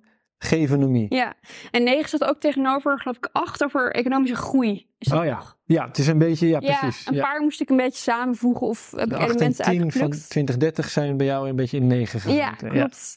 Ja, gevenomie. Ehm, wat daar gaan we terug naar het mens en het wereldbeeld. Gooi ik je Ja. een beetje mee dood. Maar Ja, dat is fundament. Ook eens Ja, vanuit dat fundament. Ja, logisch. naar de essentie willen. Ehm, ik vond het heel interessant dat ik op een gegeven moment dus ook naar die burn-outs merkte van... eh, ik ben altijd aan het verdienen. Ik ben Mm. mijn huis aan het verdienen. Ik ben Mm. mijn auto aan het verdienen, zeg maar. En ik kon ook soms voelen als ik gewoon diep adem haalde van... Er is ook heel veel wat je gewoon krijgt. Ja. Ik heb nooit het zuurstof, wat ik al nou, toen dus 23 jaar kreeg, verdiend. Mm. Ik heb nooit het zonlicht, wat Nee. ik al 23 jaar krijg, heb ik ooit verdiend. Ik heb nog nooit een rekening van de bomen gehad. Nee. Nog nooit een factuur van de zon. en ik kon toen helemaal intunen met dat voorzienende. Ja. Dat dragende eigenlijk. Onvoorwaardelijke. Ja, inderdaad onvoorwaardelijke van de aarde. Ja. En ik dacht ook, ik heb ook mijn geboorte niet verdiend. Nee. Ik heb het leven gekregen. Ja, mooi. Dus ik heb heel veel gekregen. Ik krijg zuurstof, ik krijg ehm, Ja.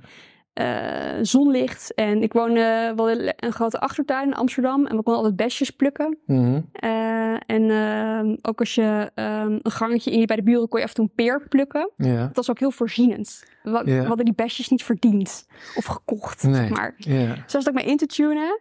Wij hebben een economie gebouwd op die natuur waar je alles moet verdienen. We zijn de enige soort op de planeet die betaalt voor zijn huis. Ja. Weet je? ja, als je daar echt bij stilstaat. Weet je, je wordt geboren op een planeet en je moet betalen om te mogen leven. Ja, om er te zijn eigenlijk. Ja. ja. Ja. Super maf. Ooit is er gewoon iemand geweest die ging hekjes om stukjes grond zetten. Ja. En als jij erop woonde, ja, dan kon je wel gaan eh, betalen, zeg maar. Ja, ja. Anyways, eh, dus ik ging weer intunen met dat voorzienende en dat dragende. Dat vond ik Mm. eigenlijk heel mooi. En met dankbaarheid. Als ik het leven gekregen heb, dan is ook een gevoel van dankbaarheid een, een best wel gezond gevoel. Het kwam toen in mij op van de dankbaarheid dat ik eh, het leven gekregen heb. En die, Ja. die basisbehoeftes krijg. En vanuit die dankbaarheid wil je wat terug doen. Er is een infinity teken bij gevenomie. Ja, voel je dus, je, Mooi. je voelt... De eh, wederkerigheid. Ja. het, het stroomt. mhm. Ja. En dat hangt ook samen met over onderwijs. Ehm, als je kinderen dus nu is onderwijs van buiten naar binnen. Dus jij komt bij mij op school, prima. Ik ga van buiten naar binnen kennis eh, bij jou en naar binnen doen. Je kunt ook onderwijs van binnen naar buiten doen. Van wow, wie ben jij in essentie? Mm. Wat heb jij te bieden? Mm. En eh, ook aan pubers gaan vragen, hey, wie ben jij en waarom ben jij hier? En dan ga je veel meer je eigen rijkdom voelen. Je interne rijkdom van wow, wat maakt mij uniek? Wat heb ik die aarde te bieden? Ja. En dat even met die gevenomie, dan voel je veel meer het overstromende. Ja, het is ook een uitnodiging dat je in je eigen zijn stapt. Van Mhm. wat, wat heb jij te bieden? Wie ben jij en wat kom je brengen? Hele mooie uitnodiging dat je echt, oh, ik mag echt mezelf zijn. Ja, En dat is echt omgekeerd ten opzichte van, oh, ik moet aan een extern doel voldoen en ik voldoe het nog niet helemaal. Ik heb een 6 min of eh, ja. whatever. Ik kan nog niet zo hard lopen en ik heb nog niet zo'n grote auto verdiend. En oh, continu maar, echt een eh, ja, 180 graden switch. ja, precies. Weet je, en dat is ook, de, de gevenemie staat trouwens los van de gevenemie wa- van waar Tijn Tauber bekend mee is. Nou, dat is heel grappig gegaan. Ik had een boek gelezen van Charles Eisenstein. Ja. Super goed. Ik weet niet of je hem kent. ja, van naam. Maar ja, een heel mooi boek over sacred economics heette dat. Ja. Een heilige economie. En in de noodstop ging dat erover van, nu zeg je, oh, het kost me een rib uit mijn lijf. Ja. Dus we hebben geld heel persoonlijk gemaakt. Mhm. Maar ook, eh, we vinden geld ook, we zeggen ook, je moet nooit eh, zaken doen met vrienden of zo. Mhm. Dus er is iets heel geks met geld, dat het en heel persoonlijk is, Mhm. en het heeft iets viezigs. Iets Ja. wat je niet... En hij heeft dus een boek geschreven, dus Heilige Economie. Dus hoe wordt ehm, iets wat, wat, wat, wat, wat, wat helemaal door de maatschappij heen loopt, die economie, weer iets heiligs. Een Ja. supermooi boek. En eh, hij stipt er ook de gift economy aan. Dus Ja. de, ehm, dus dat had ik, dat is ik kijken, gift economy. Juist. Givenomie. Had ik, hé, hey, gevonomie, dacht ik toen. Ja. En schreef ik het G-E-E-F, onomie. Ik had lachelijks opgeschreven. Ja. En toen zei iemand, oh, maar dan zou ik het, dan, eh, zou ik het zo schrijven. Dus zoals Stijn Tauber het deed. Dus ik weet niet meer of ik het per ongeluk een keer gehoord heb. En toen dus gevonomie in mijn hoofd had. Of dat Tijn het van mij heeft. Zo, oh, Ja. Echt? Ja. Nee, grapje, maar dat weet ik oprecht niet meer. Maar ik zag later, eh, zeiden mensen, oh wat leuk, dat heb je van Tijn Tauber. Maar misschien dat ik het dus een keertje gehoord heb. Ja. Maar ik, dat weet ik oprecht niet meer. Hoe dat, Nou ja, voor mij voelt het ook gewoon als iets heel iets logisch. Vanuit een, wat een, vanuit een natuurlijke stuwing nu gemanifesteerd wil worden in onze cultuur. Want wat je zegt, weet je, de, de aarde geeft zonder voorwaarden. Blijft geven, blijft produceren. En dat kunnen wij beheren als, als mensen. Ehm, maar we hebben nu daar een cultuur, een systeem bovenop geplakt.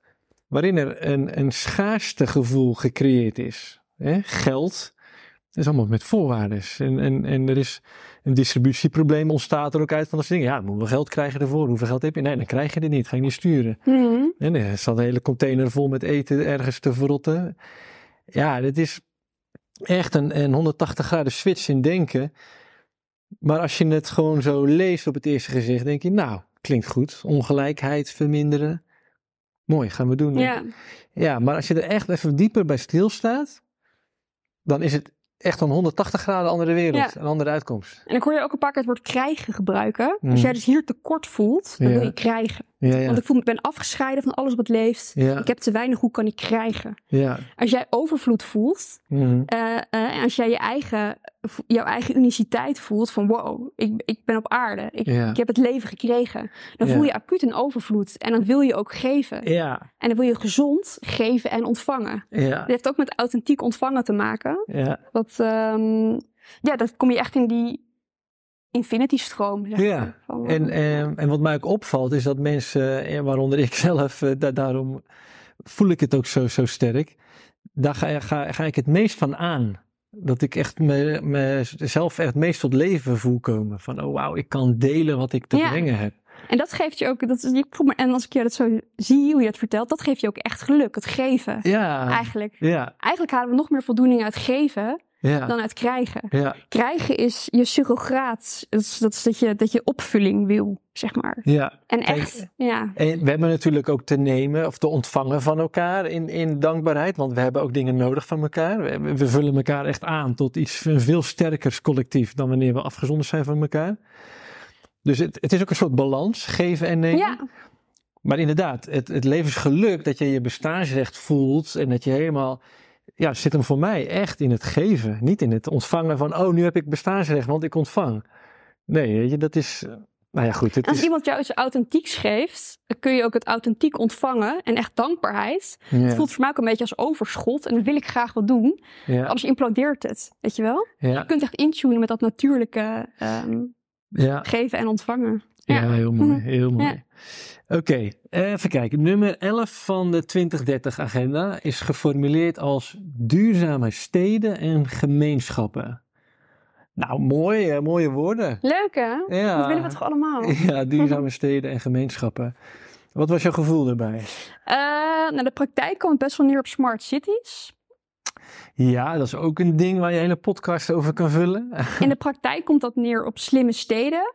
Ja, Eigenlijk over gaat dat je technologie en internet gebruikt voor het eh, besturen en het beheren. Ja. ja, Dat is natuurlijk weer met de beste intenties. En als je, als je uitgaat van dat top-down het beste is, eh, dan is dat, een, is dat een, een heel goed doel, zeg maar. Hè? ja. Dus SDG 11. ja, dus het moet beheerd worden en gecontroleerd van, van bovenaf. Ja, maar het gaat er eigenlijk van uit, zoals op het mens- en wereldbeeld, eh, dat wij mensen afgescheiden van elkaar zijn, afgescheiden van onze omgeving, ehm, dat we niet goed voor onszelf en elkaar kunnen zorgen en dus besturing van bovenaf nodig hebben. ja Dat is de aanname daarin. Ja, nee, ik zie het. Weet je, dat, is, dat wereldbeeld zit inderdaad ten grondslag onder zo'n formulering en zo'n visie.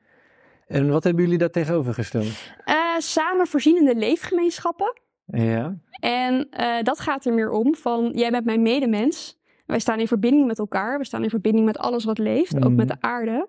Eh, wij zijn van onszelf krachtige wezens. Wij Mhm. kunnen goed voor elkaar en de aarde zorgen. ja, En we hebben het is ook ons geboorterecht dat we wat land tot onze beschikking hebben. ja. Dat is niet iets wat je moet verdienen eerst. Nee. Dat is toch heel normaal?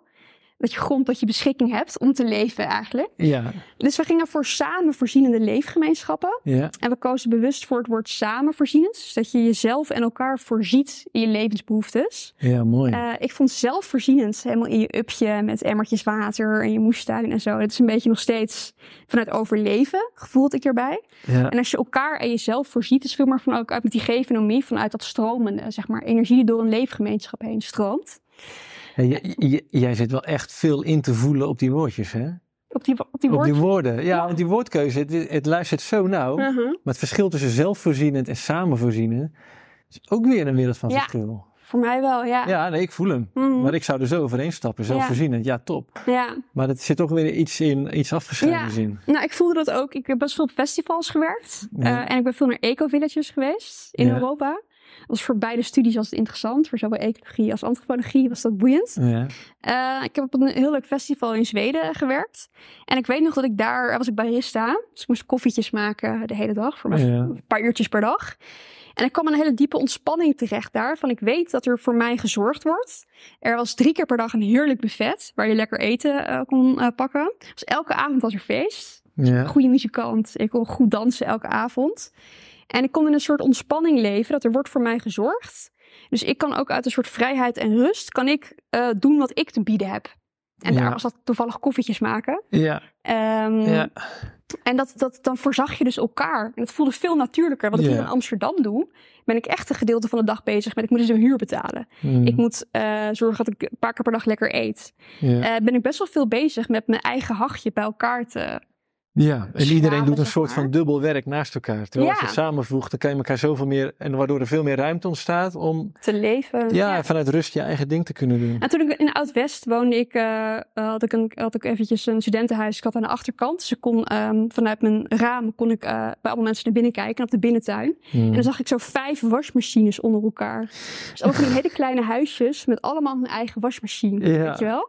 Ja, Dus dan, dan ben je echt puur jezelf aan het ja, voorzien en in stand aan het houden. ja. En ik denk niet dat dat eh, eh, voor ons mensen het meest logisch is. Nee, nee, dat voelen we allemaal ergens wel, denk En we ik. wonen ook, nou, als je naar de hele geschiedenis kijkt, pas heel kort zo solistisch.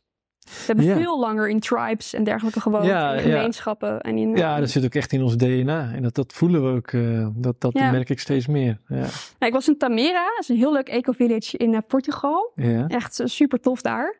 En wat ik interessant vond, daar waren gezinnen niet de hoeksteen van de samenleving. Mhm. Dus gezinnen en stellen, dat, dat, dat, was, dat was niet de hoeksteen. Daar, de, alle kinderen sliepen daar samen. ja. In de kids dorm of zo heette dat. Sliepen Oh, ja. samen.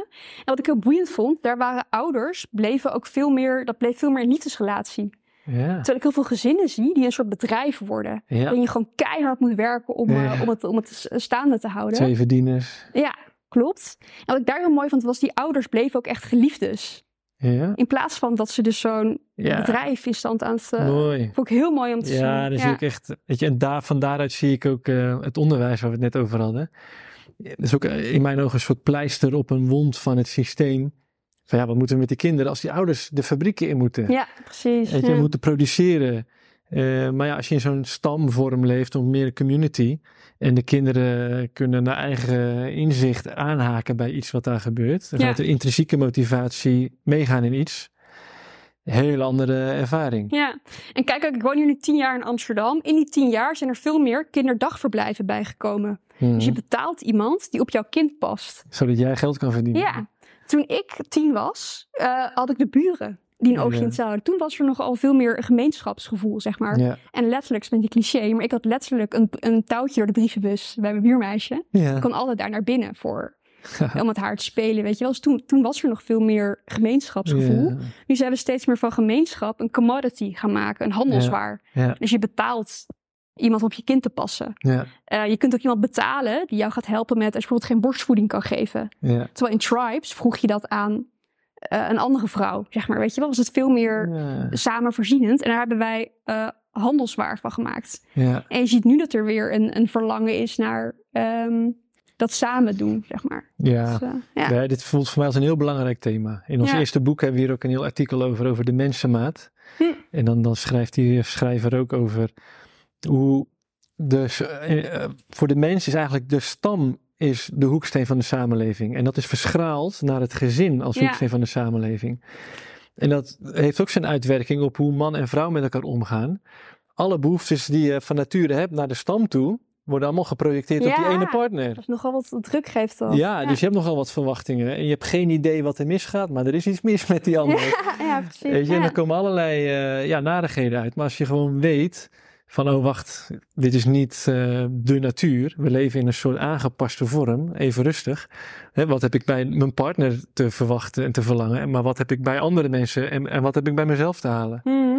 Dus het verbaast me ook niet dat die mensen, die partners in die Portugese community veel meer in de liefde, Ja. echte romantische liefde met elkaar bleven. Ja, en wat ik er ook, eh ook nu je dit zo zegt, wat me er ook aan opviel. Als je in overleven zit, Hmm. wat we dus in eh, het huidige mensenwereldbeeld en bij de SDG's veel zien, dan is je relatie er ook om jouw zekerheid te geven. Ja. Eh, ik even op Tinder, een paar jaar geleden. ja, ja, En daar zag je heel vaak dat mensen met je cynische grap maken van ja, we, moeten, we kunnen alleen geen hypotheek krijgen. Ja. Dat was een grapje, maar er zit natuurlijk een cynisme in. Van Ja. we kunnen het niet alleen, dus we moeten uit een behoeftigheid het samen gaan doen. Ja. Eh, dus je zag een, een, een letterlijke behoeftigheid gewoon om te voorzien in je huisvesting. Ja, Dus op dat vlak zekerheid. ja, En omdat je dan best van elkaar afhankelijk bent, ehm, was het ook zo centraal dat je elkaar zekerheid gaf op ehm, überhaupt emotionele onzekerheden. ja, Versus, als je hier bent om te leven, wat staat er dan centraal in een relatie? Dat je je ontwikkelt. ja, Snap je? Ja. Dat is heel wat anders. Of in een relatie centraal staat dat je elkaar zekerheid geeft, of dat je je ontwikkelt. ja. Tot volledige wasdom. En niet ergens stagneert omdat je in een compromis-situatie ja, zit. klopt. Omdat je, van, omdat je van elkaar afhankelijk bent. Ja, En niet uit echte vrijheid samen bent. ja, Dus dat vond ik heel mooi ook aan die samenvoorzienende eh, leefgemeenschappen. ja. Dat je dan dus een, een, een basis hebt en veel meer ook uit vrijheid een ja. relatie aan kan gaan dan Ja. uit behoeftigheid. Is een wereld van verschil. Ja, dat, totaal. eh, ja. Dat is ook weer de. Ben je er onder voorwaardes of ben je er zonder voorwaarden? ja, Ja, en dat, dat, dat weet ik in mijn eigen ervaring van zo. Dat is echt, echt een wereld van verschil. Mhm, Weet je, ja. mag je er eenmaal zijn of moet je iets doen? ja. En ik geloof echt, er, er komt nooit echte rust zolang we daar nog niet helemaal zijn. Nee. En je moet Maar- altijd nog iets externs. En als die rust nooit komt, als jij hier bent om te overleven, is dat prima. Wees lekker onrustig, weet je. Maar als jij hier bent om te leven, Ja. dan wil jij je volste potentieel realiseren. Nou ja, daar zeg je wat. Ik denk dat er ook heel veel uitgeleefd moet worden, blijkbaar. Dat herken ik ook in mezelf, dat ik bepaalde stappen nog niet had gezet. Omdat er blijkbaar nog echt een diepere wijsheid daarin gevonden mocht worden in mezelf. Zodat Mhm. het echt vanuit mijn 100% eigen intrinsieke motivatie kwam. Ja, Ja, en dat is dan blijkbaar in het, in het groot ook zo. Dat we iets uit, uit moeten leven en dan er echt in kunnen gaan stappen. ja, Ja. ja. We hadden ook op onze site hadden we een mooi kopje. eh, binnenkort is de site weer online. Die is nu onder constructie. ja. Als het uitgezonden wordt, is hij waarschijnlijk weer online. Een stukje over bewustzijnswerk. En de eerste regel daarvan is: onze eh, buitenwereld is de afspiegeling van onze collectieve binnenwereld. ja. Dus als wij nog best wel eh, niet in onze volle kracht gaan staan, Mm. maar nog denken dat je dat we de ander nodig hebben, ja. dan blijven we dat ook zo afgespiegeld zien in onze buitenwereld. Ja. Ja. Terwijl als wij steeds met onze kracht gaan staan, dan gaan we dat ook meer afgespiegeld zien. Ja. Dus dat is best wel ehm, confronterend. Ja. Enerzijds van wow, we kunnen niet meer dat allemaal als buiten onszelf zien. Ja. Dat is echt een afspiegeling van wat er binnen in ons leeft. Ja. Maar het geeft ook vrijheid. Van wow, daar zit dus binnen ook die sleutel. Precies. Ja. Dan heb je dus ook eh, de mogelijkheid om er iets mee te doen. Als je in je kracht staat, wil je dan nog ehm, een smart city? Heb je het dan nog nodig om van bovenaf bestuurd en dergelijke te worden? Of denk je, hé, hey, nee, wacht eens eventjes. Ja. Dat kunnen wij samen veel bezielder en mooier doen. Ja. maar. ja, en ik denk dat er de komende jaren een hoop mensen dit eh, aan de lijve gaan ondervinden. Van, oh, dat wil ik niet. Nee, En, da- en Precies. dan een heel ander traject aangaan. ja, Ja. ja, klopt. Eh, eens even kijken. Ehm, nummer 15 van de 2030-agenda is leven op het land. Nou, wat voelde jij erbij? Klinkt goed. Dat is wel heel fijn. Leven, leven op het land. Ja, ja. Ja. Nou, ik had daar geen specifiek gevoel bij. Maar ik had wel, ehm, de SDG's hebben ook invloed op het onderwijs. Dat wordt ook als, als belangrijke leidraad gezien. ja. En ik stuurde dus ecologie. En ik had een paar vakken. En één vak was ecotoxicology. ja. Ecotoxicology. Ja. Toxide is gifstoffen. Mhm. En ik, had, kon daar proefjes doen eigenlijk met hoeveel gifstoffen er in een ecosysteem eh, konden. En dat je allemaal je, iets van de dus vraag ik ook aan het publiek. is altijd wel een medebioloog in de Ja, zaal. je geeft veel presentaties hier. Ja, klopt. Dat, dat werd wel heel Is je eerste podcast of niet? Ja. Kijk, primeur. Ja. eer aan Lumens, dankjewel. ja. Maar ehm, het is heel wat anders, de podcast, dan Mm. een, eh, dan een Mm. presentatie. Nou, hij gaat lekker hoor. Heerlijk. Ehm, bij Ecotoxicology kon ik proefjes gaan doen. Hoeveel van een bepaalde gifstof er in een eh, ehm, ecosysteem kan komen. En wat dan het effect was. Ja, Dus ik had allemaal insectjes. ja. En dan kon ik er stofjes bij gaan doen en kijken van wanneer bewegen ze niet meer. En eigenlijk wat gebeurt er dan. Met hele goede intenties. Wanneer bewegen ze niet meer? Ja. die insectjes. Maar het was met hele goede intenties. Eh, van eh, we moeten niet te schadelijk zijn. Dus Ja. als wij als mens iets produceren, moeten we opletten. Zijn we Ja. niet belastend voor het milieu? Ja, dus de intentie was, we willen geen schade aanrichten. Waar ligt onze grens? Wat, is, wat is niet te veel schade? Ja. Ja, precies. Er zat een super interessante aanname in. Je brengt natuurlijk sowieso schade. Hou je schade wel klein. ja. Dat zat er heel diep in. Eh, en ik weet dat ik altijd met een heel groot vraagteken dat laboratorium uitliep. Van er klopt iets niet. Ik wist niet wat.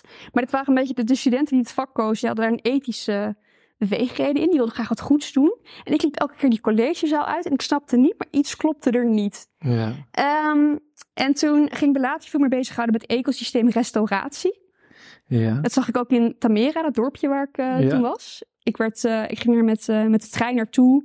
En toen werd ik met een busje opgehaald, een taxibusje, in middle of nowhere, door een heel droog gebied. En toen kwam ik in het dorpje zelf en het was een vallei. Het was prachtig, er was een mooi meertje, er was, ehm, het was mooi gras, het was echt een vallei. Oh. En het mooiste hadden daar een ecosysteemrestauratie gedaan. Dus door bepaalde afgravingen en door be- beplanting konden ze regenwater heel goed vasthouden. Mhm. En ehm, hadden ze echt eh, met, met, met dus de juiste menselijke ingreep echt een, een prachtig natuursysteemtje van gemaakt. Ja. En toen viel bij mij een kwartje van wij zijn niet per definitie destructief. Ja, ja, ja. Wij kunnen ook heel constructief zijn. Ja, En er is ook kennis. Er is Mhm. kennis hoe je een positieve impact hebt op natuur. Met ecosysteemrestauratie, met het juiste bodembeheer. ja. Hè? Wat zijn nou de juiste schimmels en gisten in een bodem? Dat je de allerbeste gewassen krijgt bijvoorbeeld. Heb je het beste voor de bodem, intrinsieke waarde. En je haalt de meest hoogwaardige gewassen ervan af. Dus je hebt hoe beter je voor de bodem zorgt, hoe beter de bodem voor jou zorgt. Die kennis is er. Maar ik word opgeleid om niet te vergiftigen. ja. En daar viel een kwartje. Ja, die snap ik, ja. Ehm, ik wil helemaal niet niets vergiftigen. En daarom heet dat RPG ook. eh, ja, jullie hebben ervan gemaakt? dit zijn 12 en 14. We hebben, eh 14 is een bodem die wemelt van het leven. Ah, mooi. Dus Ja. ik wil niet net geen catastrofe Nee, net eigenlijk. niet destructie aan. Precies. Nee. Ik wil een bodem die wemelt van het leven. Ja, ja. Ik wil niet eh sustainen. Ja, want sus- sustainability komt van het werkwoord sustain, komt van in stand houden. Ja, ja. Als ik een gedegradeerd ecosysteem zie, denk ik dan, oh, dat ga ik even sustainen en in Lekker stand zo in houden. stand houden. Ga ik beschermen? Nee, dat wil ik weer laten floreren. Juist. Weet je wel? En, en we hebben dus de kennis en kunde. Ja. Het wordt hoog tijd dat we ook legitieme doelstellingen gingen krijgen. Oh. Ja, Om die prachtig. kennis en kunde aan toe te wijden. Ja. Dus, ja, weet je, maar dit is ook zo'n thema wat al zo'n vlucht aan het nemen is. Weet je, op Netflix staat bijvoorbeeld een, een docu en dat die heet My Biggest Little Farm Ja. of zo. heel mooi, ja. Even uit mijn hoofd, maar die heb ik een tijd geleden gezien. Ja, bizar. Ja. Prachtig. Kiss the ground, staat er ook op. Ja, Dus ook een beetje hetzelfde rijtje. Wat Ja. juist ook weer gaat over regeneratie. Dus we gaan Ja. weer natuur regenereren, biodiversiteit eh, regenereren, meer organische stof in de grond. Dus niet jouw impact verkleinen nee. als vernietigend wezen, je impact vergroten als constructief wezen. Ah, precies. Ja. Dat vind ik ook een hele mooie uitspraak van je. Weet je, niet je impact verkleinen, want dat maakt inderdaad zo de suggestie in zich, jij bent schadelijk. Hou op. Nou, wat ik dus al van mij, als meisje van zeven, Ja, met die afvalhopen, ja. op het jeugdjournaal eh, te zien kreeg. Ja, Van je bent schadelijk, dus hou je impact klein. ja. Dus dat, Weet je, dat- maar ja, jij draait het weer zo mooi om. Nee, we gaan onze impact vergroten. Ja. En die impact is super positief. Precies. Je, we hebben iets te herstellen. We hebben Ja. weer iets eh, leven in te blazen. En die kennis en kunde hebben we dus. Ja, ja, ja. Prachtige doc, ook Groen Goud. Hele mooie documentaire. Ja. Dat was de reden dat ik ecologie ging studeren. Ah, kijk, ja. John Dennis Louis is een filmmaker. Die had Ja. het Noesplateau in China. Dat was ook echt gedegradeerd gebied weer helemaal laten floreren. Ja, Dat is ook in prachtig. Tamera, waar ik zelf geweest ben in Portugal. Dat is Ja. echt uh, Ja, mooi. super mooi. Ja. Ik ben een tijd terug ook in een filmhuis geweest. Bij weer een andere documentaire die daar afspeelde. Ben ik de naam daarvan kwijt. Maar ja, hij zei met karton in de grond en wurmen en bepaalde wortels die eerst dan en het volgende seizoen hadden die wortels dan de weg vrijgebaand voor meer. En het werd zo uitgelegd, uitgelegd en nou, dat ging echt wemelen van het leven Ja, inderdaad. Mooi woord ook. Ja, Ik zie het zo voor me van wauw. En eh, de gewassen die daar vervolgens op groeiden, die waren zo, ja, veel groter ook, maar zo veel meer voedingswaarde en veel meer smaakvoller. Nou, dat moest je dan aannemen van, eh, van die mensen die dan Mm. mm, mm, lekker gingen eten. Ja, Maar ja, ook als je winkelt bij dit soort winkels in Nederland, zoals de Odin. Ja, dat is gewoon, ik heb daar veel minder eten van nodig. Ja, het is wel klopt. duurder, ja, maar ik merk gewoon, hier zit veel meer voedingswaarde in. Ik heb er minder van nodig. Dus per saldo is het ook nog eens goedkoper, denk ik. ja, En ik word er fitter van, want mijn lichaam is niet continu bezig met processen en verteren van die hoeveelheid massa die voor een groot deel gewoon leeg is. ja, precies. Ja. Ja. Dus ja, ik vind het echt eh, ook weer zo'n geweldig Ja. thema. En de kennis en kunde is er dus. Hmm. Maar als wij ons eh, eh, puur richten op overleven Ja, en denken dat er schaarste is, ja. dan is er geen tijd en geen ruimte om eh, echt goed voor een stukje land te zorgen en echt Nee. lekker eten te verbouwen. Ja, Maar dat, dat, dat, er is geen schaarste aan tijd en aan, eh, aan dergelijke. ja. Wij mogen ons weer gaan toewijden aan wow, wij zijn gewoon scheppende wezens. Wij kunnen gewoon, eh, John Dennis Louis zegt heel mooi, let's restore this piece of paradise together. ja. Dus niks te, we gaan het of in stand houden. Nee, we gaan het weer helemaal restaureren. Restore this piece of paradise. Ja, step by step. En, toewijden aan één stukje land en dat mag weer paradijselijk worden. Dan realiseer je dus het potentieel. ja. Dus, eh, Kijk, en dat inspireert ook eh, de omgeving. Het is zo aanstekelijk. mhm. Ja, mooi. Ja. Eh, nou, de laatste die we hadden aangevinkt. Vrede, justitie en sterke publieke diensten. Nou, die zal ik niet per se bejubelen. De rest vond ik dan wel heel mooi klinken. Hier, deze gaat al een beetje jeuken bij mij persoonlijk dan. ja. Ehm, wat, wat voel jij daar zelf bij? En wat is jouw alternatief? ja, dat was wederom als mensen niet in hun kracht staan. Ja, En eh, dan hebben ze meer sturing van buitenaf nodig. ja, Als jij steeds meer bij je inner guidance komt, dus bij Mhm. jouw eigen waarom je hier op aarde bent, ja. heb je hooguit iemand nodig die jou eraan herinnert Ja, hoe krachtig je bent, Ja. dan die voor jou zorgt. ja, Dat is ja. een heel groot verschil is dat. Wij dachten, oké, als mensen in essentie krachtig zijn en als we in verbinding staan met alles wat leeft, ja. wat hebben we dan nodig om goed voor elkaar en goed voor de aarde te zorgen? We hebben dan besturing nodig. Nou, wij dachten aan eh, open source kennisdeling. ja. Wat, wat als er meer kenniscentra komen, waar je kennis op kan doen, hoe je goed voor eh, Mhm. elkaar eh, zorgt en dergelijke. Dat Tamera, waar ik dus was in Portugal, is eigenlijk Mhm. een beetje een voorbeeld van. Je had Mhm. daar eh, een beetje van die Willy Wortelachtige figuren en die waren bezig met zonne-energie. Dus je konden met allemaal spiegels konden ze iets maken en dan konden ze het zonlicht concentreren. En dan, dat werd in de keuken gebruikt. Ah. Kan jij als mechanical engineer helemaal je hart op. Ja, ik ga gelijk aan. Gaaf. Precies. Allemaal heel low-tech, maar het werkte wel. Eh, ze hadden een soort, ehm, met een soort van een soort oude eh, plastic tank hadden ze iets gemaakt voor biogas. Ja. Daar deden ze het eh, keukenafval in. En het was een grappig, ging echt een stukje omhoog als er biogas ehm eh, vrij kwam. Onder andere methaan kwam er nou vrij, dacht ik. Ja, ja. Toch? Is dat, dacht ik wel. ja, dat is geen werktuigbouwkunde. Je kijkt mij aan alsof ik het Oh, weet. oké. Anyways, er Ik kwamen... je. Nou, er komt een gas en er komt iets van een compostgas komt daarbij Precies, vrij. dat kon wel gebruikt worden. Ja, En dit is meer even om aan te geven, er gingen er best wel veel mensen naartoe ook om daar kennis op te doen van hey, hoe doe je dat? ja, Een eco-community worden. En Ja. het was daar open source. Daar kon je gewoon gebruik van maken. Je kon ook op een, een website kijken. En dacht ik, ja, dat is er nodig voor ehm, als wij, want daar zijn we dus voorstander van, niet top-down, maar bottom-up.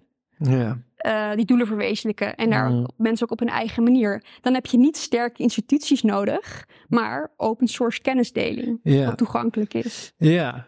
Weet je, wat dan optioneel naar eigen inzicht geraadpleegd kan worden. Ja, maar dat niet geforceerd wordt, jij moet dit doen. Mhm. Weet je, maar dat de lokale community zelf kan invoelen en kan waarnemen, constateren wat er nodig is voor hun stukje. Ja. Ja, Ja. klopt. Ja. Ja, als ik dat lees, weet je, vrede, justitie en sterke publieke diensten. Ja, ik vind het best wel heftig. Weet je, vrede is natuurlijk gelijk een mooi woord. Dus nou, de energie wordt al lekker fijn. Maar dan lees ik verder, justitie en sterke publieke diensten. Dan denk ik, ja, wauw. ja. En dit is ook echt waar, waar veel ja, complottheorieën echt scheef op gaan. Van, wat, wat zijn ze van plan, joh? Weet je, dit is echt wel... eh, nou, een beetje haaks eigenlijk op eh, wie we als mensen in essentie zijn, zou ik zeggen. Mhm.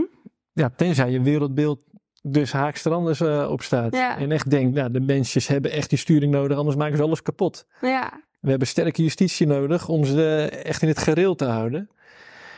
Ja, maar goed, dit was ook dan de laatste, maar hier zou ik ook wel verder een beetje op, op in willen voelen. Want als ik het zo zie, weet je, waar zie jij dit heen gaan? Want dit is enerzijds een hele sterke agenda, 2030. Weet je, of het nou een complottheorie is wat je erin gelooft, dat, dat doet er voor mij helemaal niet toe. We kunnen zien, dit wordt echt sterk omarmd door nou, wereldwijd de grootste spelers. Dus dit is best wel ja, echt een richting die ingezet is.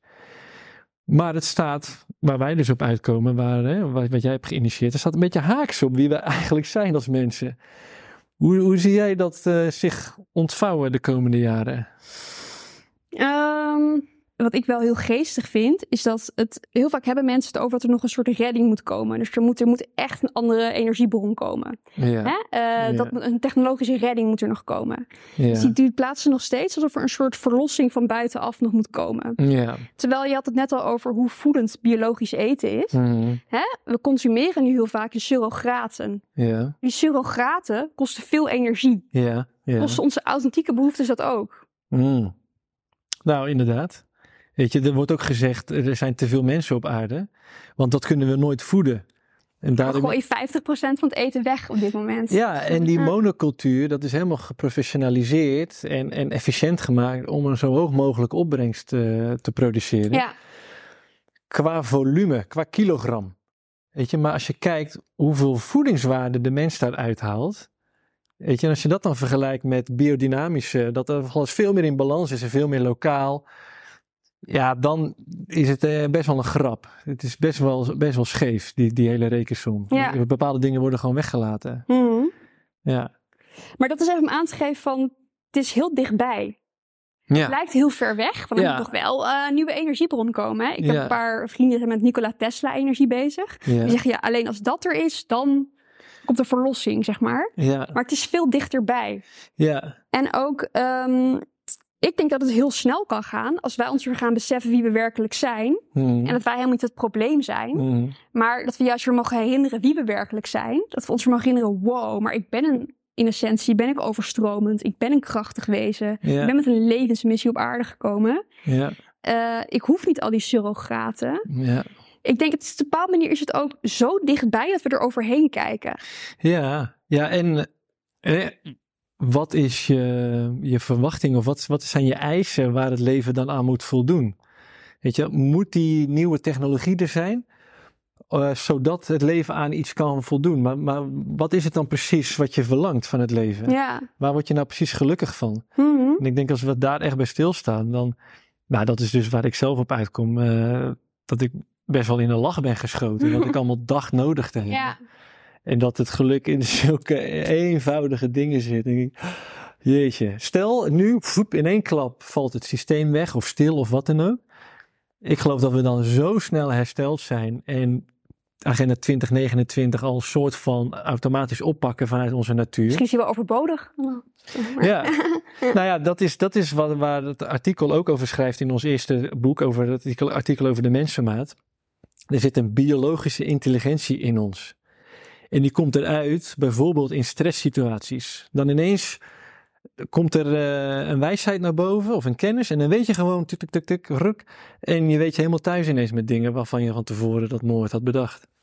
En eh, een sterk voorbeeld daarvan is de bevalling bij een vrouw Ja. wat ik daarvan heb gehoord, nou ja, wauw zeg. Wat daar echt ineens aan inzichten kwam en, eh, Intuïtie. intuïtie. Ja. en, en vloep, weet je, dat is, ja, daar sta ik echt van te kijken. Mhm. En die Ja. vrouwen zelf dus ook, van zo, Wow, heb ik dat gedaan? heb ik dat gedaan, ja. Mhm. En eh, nou ja, dat is, dat is voor mij ook heel bekrachtigend, van ja, natuurlijk is dat zo. Hè? Ja. We, we- we hebben al, al die duizenden, honderdduizenden jaren eh, zo geleefd op een bepaalde manier. En nu hebben we er een systeempje bovenop geplakt, een tijdje. Wat ook heel snel eh, alweer gaat instorten. Ja. Maar dan denken we, oh nee, we hebben wel heel veel nodig nog uit dat systeem. En nee, we kunnen heel veel gebruiken uit dat systeem. Het kan ons allemaal dienen, maar het hoeft niet. Ja. Het zijn geen must-haves. Dat Nee. vind ik voor, mij wel een groot inzicht. Ja, en als we gewoon niet meer gaan ontkennen wie we werkelijk zijn. Dus wat er bij Ja. mij gebeurde als meisje van zes, met die juf die dus eh, ehm, zei dat er honger was. Mijn natuurlijke neiging was, wow, maar daar gaan we toch wat aan doen. Ja, Dat omdat ik zo'n lief, leuk meisje was, dat is een hele normale reactie. ja, Als, als er ergens leed is, snap je? ja, ja. We mogen daar weer naar terug. ja. Dat we in verbinding staan met alles wat leeft en jouw eigen kracht, scheppingskracht. Ja, En nu ontkennen we dat structureel. We hebben bijvoorbeeld een schaarste economie. ja, Maar ehm, dus ik denk dus dat de oplossing eh, eh, eigenlijk heel dichtbij is. ja, Af en toe zit ik de dagdroom, moet het niet agenda 2026 worden? In de zin van, eh, en overdrijf ik een beetje, maar het is veel dichterbij dan we denken. ja. Dus Ja. het is een bewustzijnsshift bij ons vandaan. Om Ja. de overvloed weer te zien, om je eigen kracht weer te zien. ja. Ja, Nou, ik denk de naam 2029 maakt het ook dat het een leuke knipoog is naar Mhm. 2030. Dat het heel herkenbaar is. Ook je logo's, je kleurtjes, weet je wel. Het is wel duidelijk dat dit gewoon, eh, nou, even iets is wat ernaast gezet wordt. ja, Van, ja, zo kan het ook. En je mag meedoen of je probeert het nog op een andere manier, weet je. All Ja. good. Eh, we shall see. ja. Ja, En ik voel daarin wel dat je mag meedoen, maar ik voel wel een beetje een plichtsgevoel om het aan te reiken.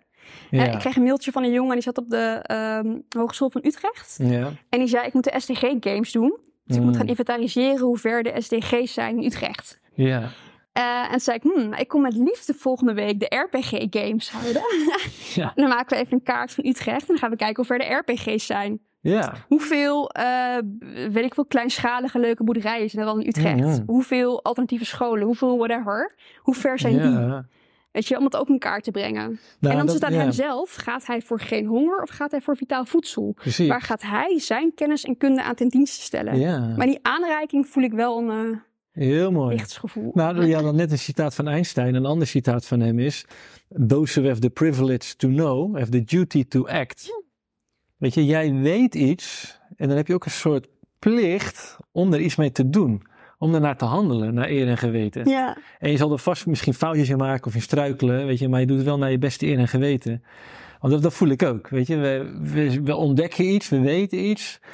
Dat het echt veel mooier, veel bezielder kan. En Nou ja, dan mag je het in ieder geval aanreiken. Niet Ja. forceren. nee. Want dan kan je het alleen maar traineren en vertragen. En dan ga je weer top-down te doen eigenlijk. Ja, Weet je?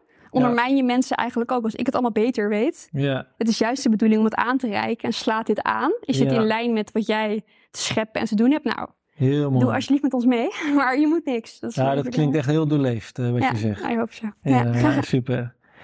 Hey, en ja, kijk, dit is ook een, natuurlijk een enorme eh, zichtbaarheid krijgt dit. Eh, Allerlei bedrijven omarmen dit, plakken deze icoontjes, verschillende icoontjes op hun homepage van kijk, wij werken aan de United Nations 2030 eh, agenda voor die doelstellingen, daar maken wij ons hard voor. Ik zie ook in heel veel groepen om mij heen, WhatsApp groepen, Telegram groepen, dat komen er dingen voorbij en dan er zit nog een soort onschuld in dat mensen daaraan werken, maar het is groot. Weet je, hoe zorg je ervoor dat dit ook bekend wordt? Want je wil het aanreiken, maar, maar hoe? Hoe, hoe, hoe doe je dat? Ehm, ja, het beginnen met belangrijk is onderwijs. Dus het gewoon iets meer daarin aan te reiken. Ja. Ehm, eh, ik zat te denken aan mooie posters op de faculteit. Van eh, waar ga jij jouw kennis en kunde aan ten dienste stellen? Blijf jij in het, in het schaarste, ehm Narratief. ja, schaarste narratief of ga je voor het overvloedsnarratief? Ja. Om dat gewoon wat meer aan te reiken, zeg maar, wat kies jij? ja, ja, dat het echt een bewuste keuze is en niet een gegeven. Ja, om wat, wat ga je zien en erkennen, zeg Ja. maar. Weet je wel, Ja. blijf jij in, dat, in die schaarste economie? Of ga je voelen van dat, dat voorzienende, zeg maar, dus puur het aanreiken. Dus daar voel ik wel een, ehm, eh, hoe zeg je dat? Een een plicht, wat ik net aanstipte, om dat gewoon aan te reiken. Ja. Eh, dat is een element. Eh, bedrijfsleven lijkt me ook leuk. Ja. Dus ehm, hoe kunnen, ehm, stel iemand, ik, krijg, ik word door hele leuke mensen gevolgd op Instagram. Ja. Om hele leuke kleine bedrijfjes. Ja. Een vitaliteitsmasseur uit, weet ik het, Zwolle of zo, volgde mij laatst. Ja. Die hebben bijvoorbeeld mij niet behandeld, maar we hebben ook een RPG. Het gaat over vitaliteitszorg in plaats van gezondheidszorg. Ja. Ja. Dus niet, niet ziek zijn, maar vitaal zijn. Mhm, mhm. En wederom, we hebben allemaal kennis. Laten we daar een eh, een legitieme doelstelling van maken. Dus vitale individuen. Ehm, nou, als zij nou denkt van ja, wacht eens even. Ik geef vitaliteitsmassages. En eh, die zijn misschien wat duurder, maar dat doe ik met heel veel liefde. Ik vind eigenlijk dat in 2029 iedereen vitaliteitsmassages moet kunnen krijgen. Ja. Ik knal dat icoontje op mijn site van hey, dit is waar ik eh, achter sta. Ja. Van, ehm, eh, dit wil ik voor de hele wereld, zeg maar. Dus dat zij staat achter de doelstelling van vitaliteitszorg voor iedereen. Ja, wacht even hoor. Dus zij kan zo'n icoontje op haar website knallen. Nog niet. Nog niet? Nee, daar willen we. eh, ik heb een bepaald iemand ontmoet met eh, achtergrond in de startups. En die zegt er eh, veel verstand van te hebben. Who knows? Daar ga ik mee om de tafel. Ehm, dat kan nu nog niet, maar dat zitten we naar te kijken voor eind dit kalenderjaar, begin volgend kalenderjaar. En dan Ja. weer puur ehm, als je erdoor geïnspireerd bent. Ehm, en of het is al in lijn met wat jij doet, maar daar mag meer van komen. Ja. vergroot dat onze zichtbaarheid. Ja. En jij kan misschien weer, dan verspreid je het gedachtegoed ook meer. ja, want dit is inderdaad, weet je, dat, dat maakt het voor mij dan zo zichtbaar van waar sta je voor? Nou, de komende jaren zeker, maar dit is gewoon steeds meer een ding. Waar sta je voor? Heel veel bedrijven voelen zich geroepen om zich te uiten, dat ze achter wokeisme staan en al die dingen. Het wordt echt, de hele wereld wordt heel politiek, soort van. Mhm. Heel erg soort activistisch lijkt alles Ja. wel. Maar dan lijkt het me ook heel goed inderdaad om ook een alternatief aan te reiken. Van nou, dit lijkt ons beter. Ja. Ik denk dat in deze podcast al een en ander eh, nou ja, uitgelegd is eh, waarom. Ehm, maar ja, super gaaf zo'n icoontje. En ik denk dat bedrijven, grote bedrijven die momenteel de 2030 promoten, misschien deze podcast zien en denken, nou, bepaalde dingen ga ik wel erg op aan. En dat ze zeggen, nou, bepaalde dingen doe ik 2030 en iets anders, icoontje voelt beter bij 2029 als begin. Weet je, Ja. ik, ik zeg maar wat. Mhm. Maar dat er wel een begin gemaakt kan worden inderdaad aan nou, het aanreiken van een alternatief op grotere schaal. Ja. Dat voelt wel heel belangrijk. ja, toch? Ja. ja, ja, En die zichtbaarheid mag inderdaad vergroot worden. Ja. ja, ja. Nou, hopelijk wordt deze podcast ook eh, goed gedeeld, goed knows? bekeken. ja. Eh, Maar het gaat mij niet om zo snel mogelijk zo groot mogelijk te worden. Dat is niet, dat is niet beschreven. Het mag gewoon organisch groeien. ja, En ik vind het fijner als het ehm, echt bij mensen aankomt. Kwalitatief gewoon het goed overbrengen. Dan kwantitatief zo snel mogelijk woekergroei. Weet je wel? ja. Dan, dan slaan we denk ik ook een beetje de plank mis. Als Nou, het... ja, ook daarin belichaam je weer wat je zegt. Ja, dat is wel de bedoeling. Ja, dus nu heb ik een echt gesprek met jou. Ja, Weet je wel? Dat, dat Ja. vind ik wat anders dan... ehm, iemand zei ook, oh, ga filmpjes van jezelf opnemen met zo'n zo'n zo'n Zoom-achtergrond. En ga elk RPG uitleggen. Kati de influencer. Ja, precies. Ja. Op Instagram. Ja, Dat voelt voor mij heel... ehm, ik weet niet, dat voelt helemaal niet natuurlijk. ja. En ik vind het nu heel leuk. Ik had een pitch gedaan eh, Ja. een jaar geleden via Katie. En ik vind het super tof. Die is op LinkedIn beland, op YouTube. Op... Oh ja, Maar die heb ik zelf nergens online gezet. ja, en dat vind ik wel tof. Dat is ook voor mij een beetje in lijn met de agenda. Dat is bottom-up gedragen, zeg maar. ja. Snap je? Ik wil er echt wel een actieve Ja, rol ja, in ik pakken. snap het helemaal. Dit is waar ik zelf ook doorheen ga met, met Lumens. Hm. Want ik voel soms ook, ja, om meer kijkers te krijgen zou het zo goed zijn om ook vlogjes te maken. En wat actiever te pushen op Instagram en die dingen. Maar ik voel hem gewoon niet. Ik wil helemaal niks Nee. pushen. En we plaatsen dan wel reels, korte clips van mooie dingen die de gasten zeggen. Maar ik zou er tussendoor nog zoveel meer kunnen, kunnen doen. Maar ja, dat voelt dan als pushen. En ergens intuïtief diep van binnen. Ik kan niet helemaal uitleggen waarom dan met de mind. Maar ik voel gewoon van nee, dit mag zijn weg vinden. Ja, En dat komt vanzelf dan vanuit een puurderheid. Ik weet dat hier ook genoeg verstoring in zit. Maar het wordt steeds puurder. En op deze manier komt het ook veel meer tot echt zijn recht. In Ja. plaats van, oh nee, nee, we moeten het zo doen. ja, precies. Ja, Nee, ik word door veel marketeers ook benaderd. Van, ah, ik weet hoe je het kan vermarkten. En dan gaan we dus en zo, weet je wel zo. ja, ja. het voelt ja. voor mij niet in lijn met de agenda. De agenda die... eh, ja, dat voelt echt als een, als een aanreiking en een uitnodiging. Ja, En ehm, ja, ik vind het ook heel leuk. Er komen soms mensen naar me toe na een lezing en die zeggen dan iets van, eh, van eindelijk. ja, eh, dit is ja, er. Ja, Het, het kon mij laatst best wel ontroeren, omdat ik toen merkte van, het is, als het je echt bij jou resoneert, dan is het net zo van jou. ja. Begrijp je wat ik bedoel? ja zeker, zeker. In plaats van, er komt een heel geïnspireerd verhaal binnen. Oh, dat gaan we achteraan hollen. Weet Ja, je? In plaats van die intrinsieke motivatie. Een vlammetje wat ontsteekt mag worden. Wat er misschien al is en wat gewoon ontsteekt mag worden. Om weer je te gaan richten op het paradijselijke. Jouw eigen kracht te voelen, zeg maar. In plaats van je slap te voelen en te overleven. Ja. Ja. Weet je, ik denk dat mensen vanzelf op zoek gaan naar alternatieven ook. Omdat ze gaan ontdekken van, dit wil ik niet. Er, er, er klopt iets niet. Precies dat gevoel wat jij ook omschreef met dingen, ook tijdens je studie. Er klopt hier iets niet aan. Nee. Maar wat is het precies? En dat heeft soms gewoon, dat zie ik ook in mijn eigen leven, soms heb je gewoon een paar rondjes nodig om een bepaalde frustratie eh, echt te voelen van het klopt niet. En, en dan ontstaat er een soort voedingsbodem voor een alternatief. En als er dan een zaadje invalt, zoals nou, jouw verhaal Ja, deze ja. podcast, oef, aan. Ja, dat, daar ga ik en dan, en dan erin verdiepen en dan iets oppakken. Weet je, en zo die puzzelstukjes en dan met elkaar zo'n collectief, nou ja, samen hebben we een complete legpuzzel. Mhm. En dat er dan, eh, nou ja, een holistisch alternatief kan komen. Want geen van al deze puzzelstukjes alleen zal het verschil gaan maken. Nee, Dat je alles steekt in elkaar in, in deze wereld. Ja, pas als de bodem wemelt van het leven kan je echt vitaal voedsel krijgen. Ja, Dus eh, ja, ja en, en hoe ga je dat echt verzorgen? Weet je, waar komen die mensen vandaan? Nou, dat zijn echt ontwikkelde mensen. Dat zijn geen mensen die alleen maar een kunstje kunnen als Nee, biorobots. eh. nee. ja. Nou, mooi. Ja, toch? ja, ik vind het echt, echt heel gaaf. Weet je, ik hoorde een jaar geleden al, eh, al over jou.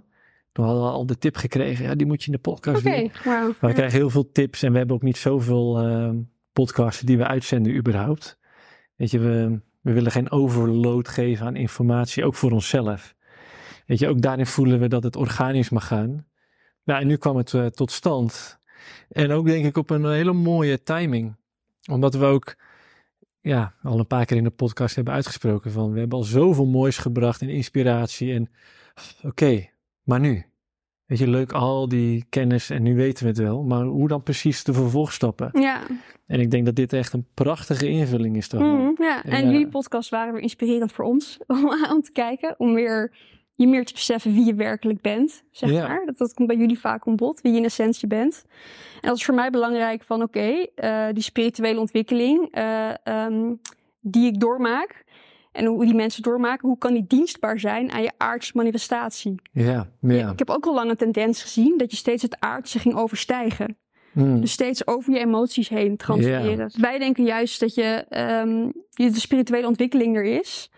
Ten dienste aan je aardse manifestaties. Hoe kan je juist, als jij weet wie je werkelijk bent, ook emoties beter aan en dergelijke. Precies, ja. Dus dat is een element. En ook met dat zingevend werk. Hoe heb jij niet eh, op woensdagmiddag je yoga en op zondag je satsang met je boeddhistische gezelschap. Weet je, heb je gewoon je dagelijks leven is niet zo leuk. Maar ja. daarbuiten doe je iets leuks spiritueels. Nou, als je dus weer naar zingevend werk toe gaat, dan wordt het iets integraals. ja, Dus dan is je dagelijkse bezigheid een expressie van wie je werkelijk bent. precies. Je, het is echt een levensstijl. Ja, en het is niet spiritualiteit, maar iets voor erbij op zondag Ja. of zo. Weet je wel? Nee, dat zei laatst ook iemand in onze podcast. We zijn hier niet om spiritueel te doen. Nee, precies. Die zat trouwens ook op die plek. We zijn hier niet om spiritueel te doen. We, zijn hier om mens te zijn. Weet je, maar wel vanuit het hoogste besef. En, en dat besef zijn we kwijtgeraakt. Hm. En dat vond ik ook leuk. Ja, een van je icoontjes had je ook iemand, een, poppetje met eh, vleugels, Ja. engelenvleugel. En daar kwam ook een commentaar op naar jou toe van, eh, oh, dat lijkt wel heel zweverig. Of engelen. Toen heb je er een Superman cape van Ja, gemaakt. Van, Die hey, met beide benen op de grond staat. Ja, beide benen op de zei. ja, precies. Die juist bewust is van het paradijselijke potentieel en dat naar hier haalt. Ja, En niet zelf daar naartoe gaat fladderen. ja, Het ja, juist ja. naar hier manifesteren Prachtig. is het idee. Ja, Nou, ik vind het echt heel mooi. ja nice. Hebben we nog iets anders eh, te brengen? Ehm, nee, voor mijn ADD-gehalte was dit al een hele lange Nee, ik vind hem wel mooi zo. Denk- ja. Ik zit, ehm, nee, niet, niet zo gauw. Nou, ik Nee. vraag eh, meestal eh, aan een gast van heb je nog een toegift of zo? Of eh, nog iets laatste eh, ei wat je kwijt wil? Eh, ik fietste laatst langs het SDG-house Ja, waar is dat? bij het Troop, nog bij het Troopmuseum. Oké. En dacht ik, hé, hey, hoe ziet het RPG-house eruit?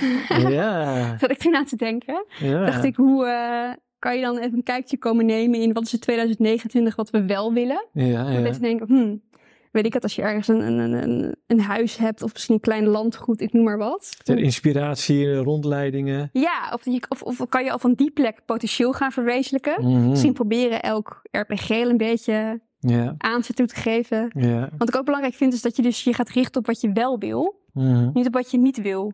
Ja, ja. Ons credo luidt ook, ons zinderende verlangen voor de wereld die we wel willen, ja, mag de brandstof zijn voor verandering. En niet de angst en het afgrijs voor wat je niet wil. ja, Dat vind ik een hele belangrijke. Dat je Zeker. richt op wat je wel wil. juist. En toen fiets ik langs het SDG-huis. dacht ik, hmm, hoe ziet het RPG-house eruit?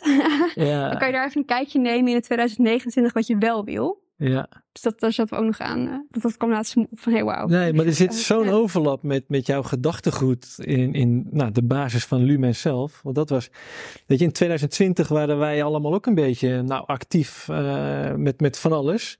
Maar we zagen ook van ja, dat, dat werkt niet. Nee. Dat strijden en, en zeggen wat je niet wil en zeuren dat anderen het anders moeten doen. Mhm. En we deden dat wel op een genuanceerde manier. Ja. Maar Ja.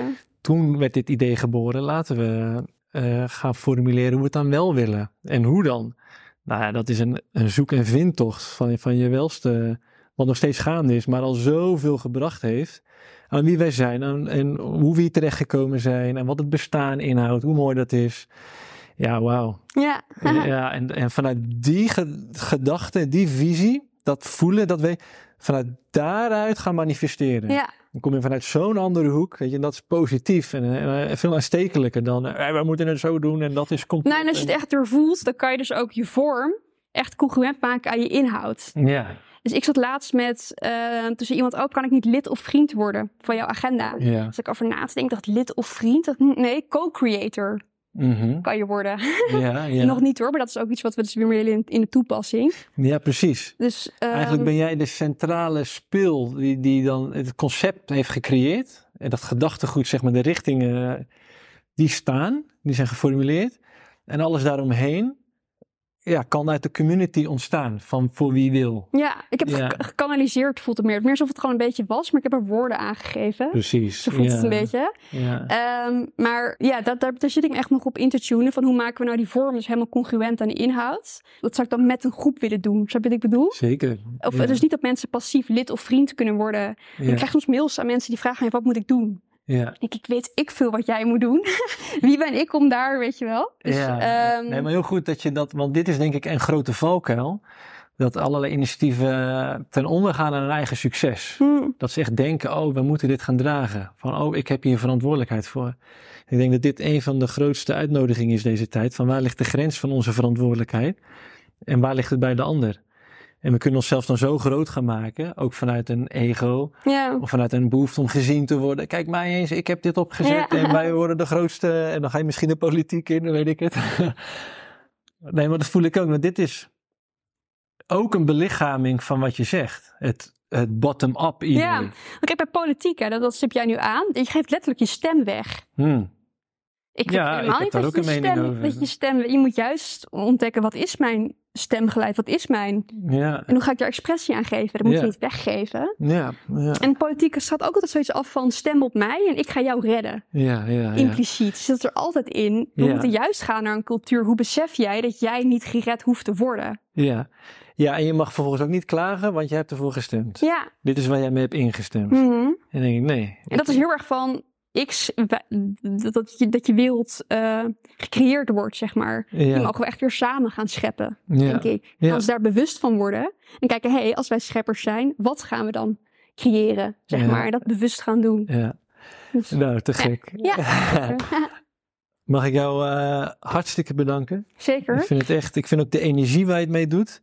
Ik heb je nou een paar keer zien spreken ook. Ik denk, wauw, zo, die staat aan. Ja, Maar echt met een, eh, ook weer een belichaming van eh, wat je zegt. Het is niet mind van, oh, ik denk zus of zo, dat lijkt mij het beste. Nee, oef, weet je, het is voelbaar. Mhm. En dat, eh, dat is voor mij ook een teken. Dat proberen wij ook met de podcast, de gasten die wij eh, graag aan tafel hebben. Dat het echt eenmaal belichaamd is en niet alleen maar een, een leuk verhaaltje. Ik denk dat dat ook het nieuwe is. Dat we er echt in gaan staan en het echt doen. ja precies. Dus echt complimenten. ja, nou, Te gek. met plezier, thanks. Alright. Nou, beste mensen, dan zijn we aan het einde gekomen. Ik hoop dat jullie ervan hebben genoten. Dit zeg ik echt elke keer zo. Ik wel. echt zo'n riedeltje. Ja, nou Het goed. wordt echt zo'n talkshow manier. Ja, ja, op het einde wel. Ja, nou goed. Eh, deel het met je vrienden. Daar zijn we enorm bij eh, gebaat. Want eh, dit, dit mag echt verspreid worden op een organische manier. Zonder forceren, zonder te willen overtuigen. Als aanreiking. En dat vind ik echt eh, te gek om het echt eh, oprecht eh, te, te gaan beleven. Wat hier allemaal gebracht wordt. En niet zo van, oh, het moet op een bepaalde manier. Nee, we mogen het gaan voelen en gaan beleven. Aho. Nou, dat. Wij zijn gebaat bij donaties en vergoedingen om dit draaiende te kunnen houden. Onze boeken, nou, boek 1 is vandaag ter sprake gekomen. Zeker een, een aanrader. Ehm, onze nieuwsbrief, daarin worden ook eh, dingen aangereikt, zoals onze coachingtak die opgestart wordt onder Lumens. Super interessant en eh, spannend. Ehm, En een, uh, en een boekpresentatie gaat eraan komen op 11 november. Nou ja, goed. Genoeg. Leef je uit. Veel plezier ermee. En tot sowieso.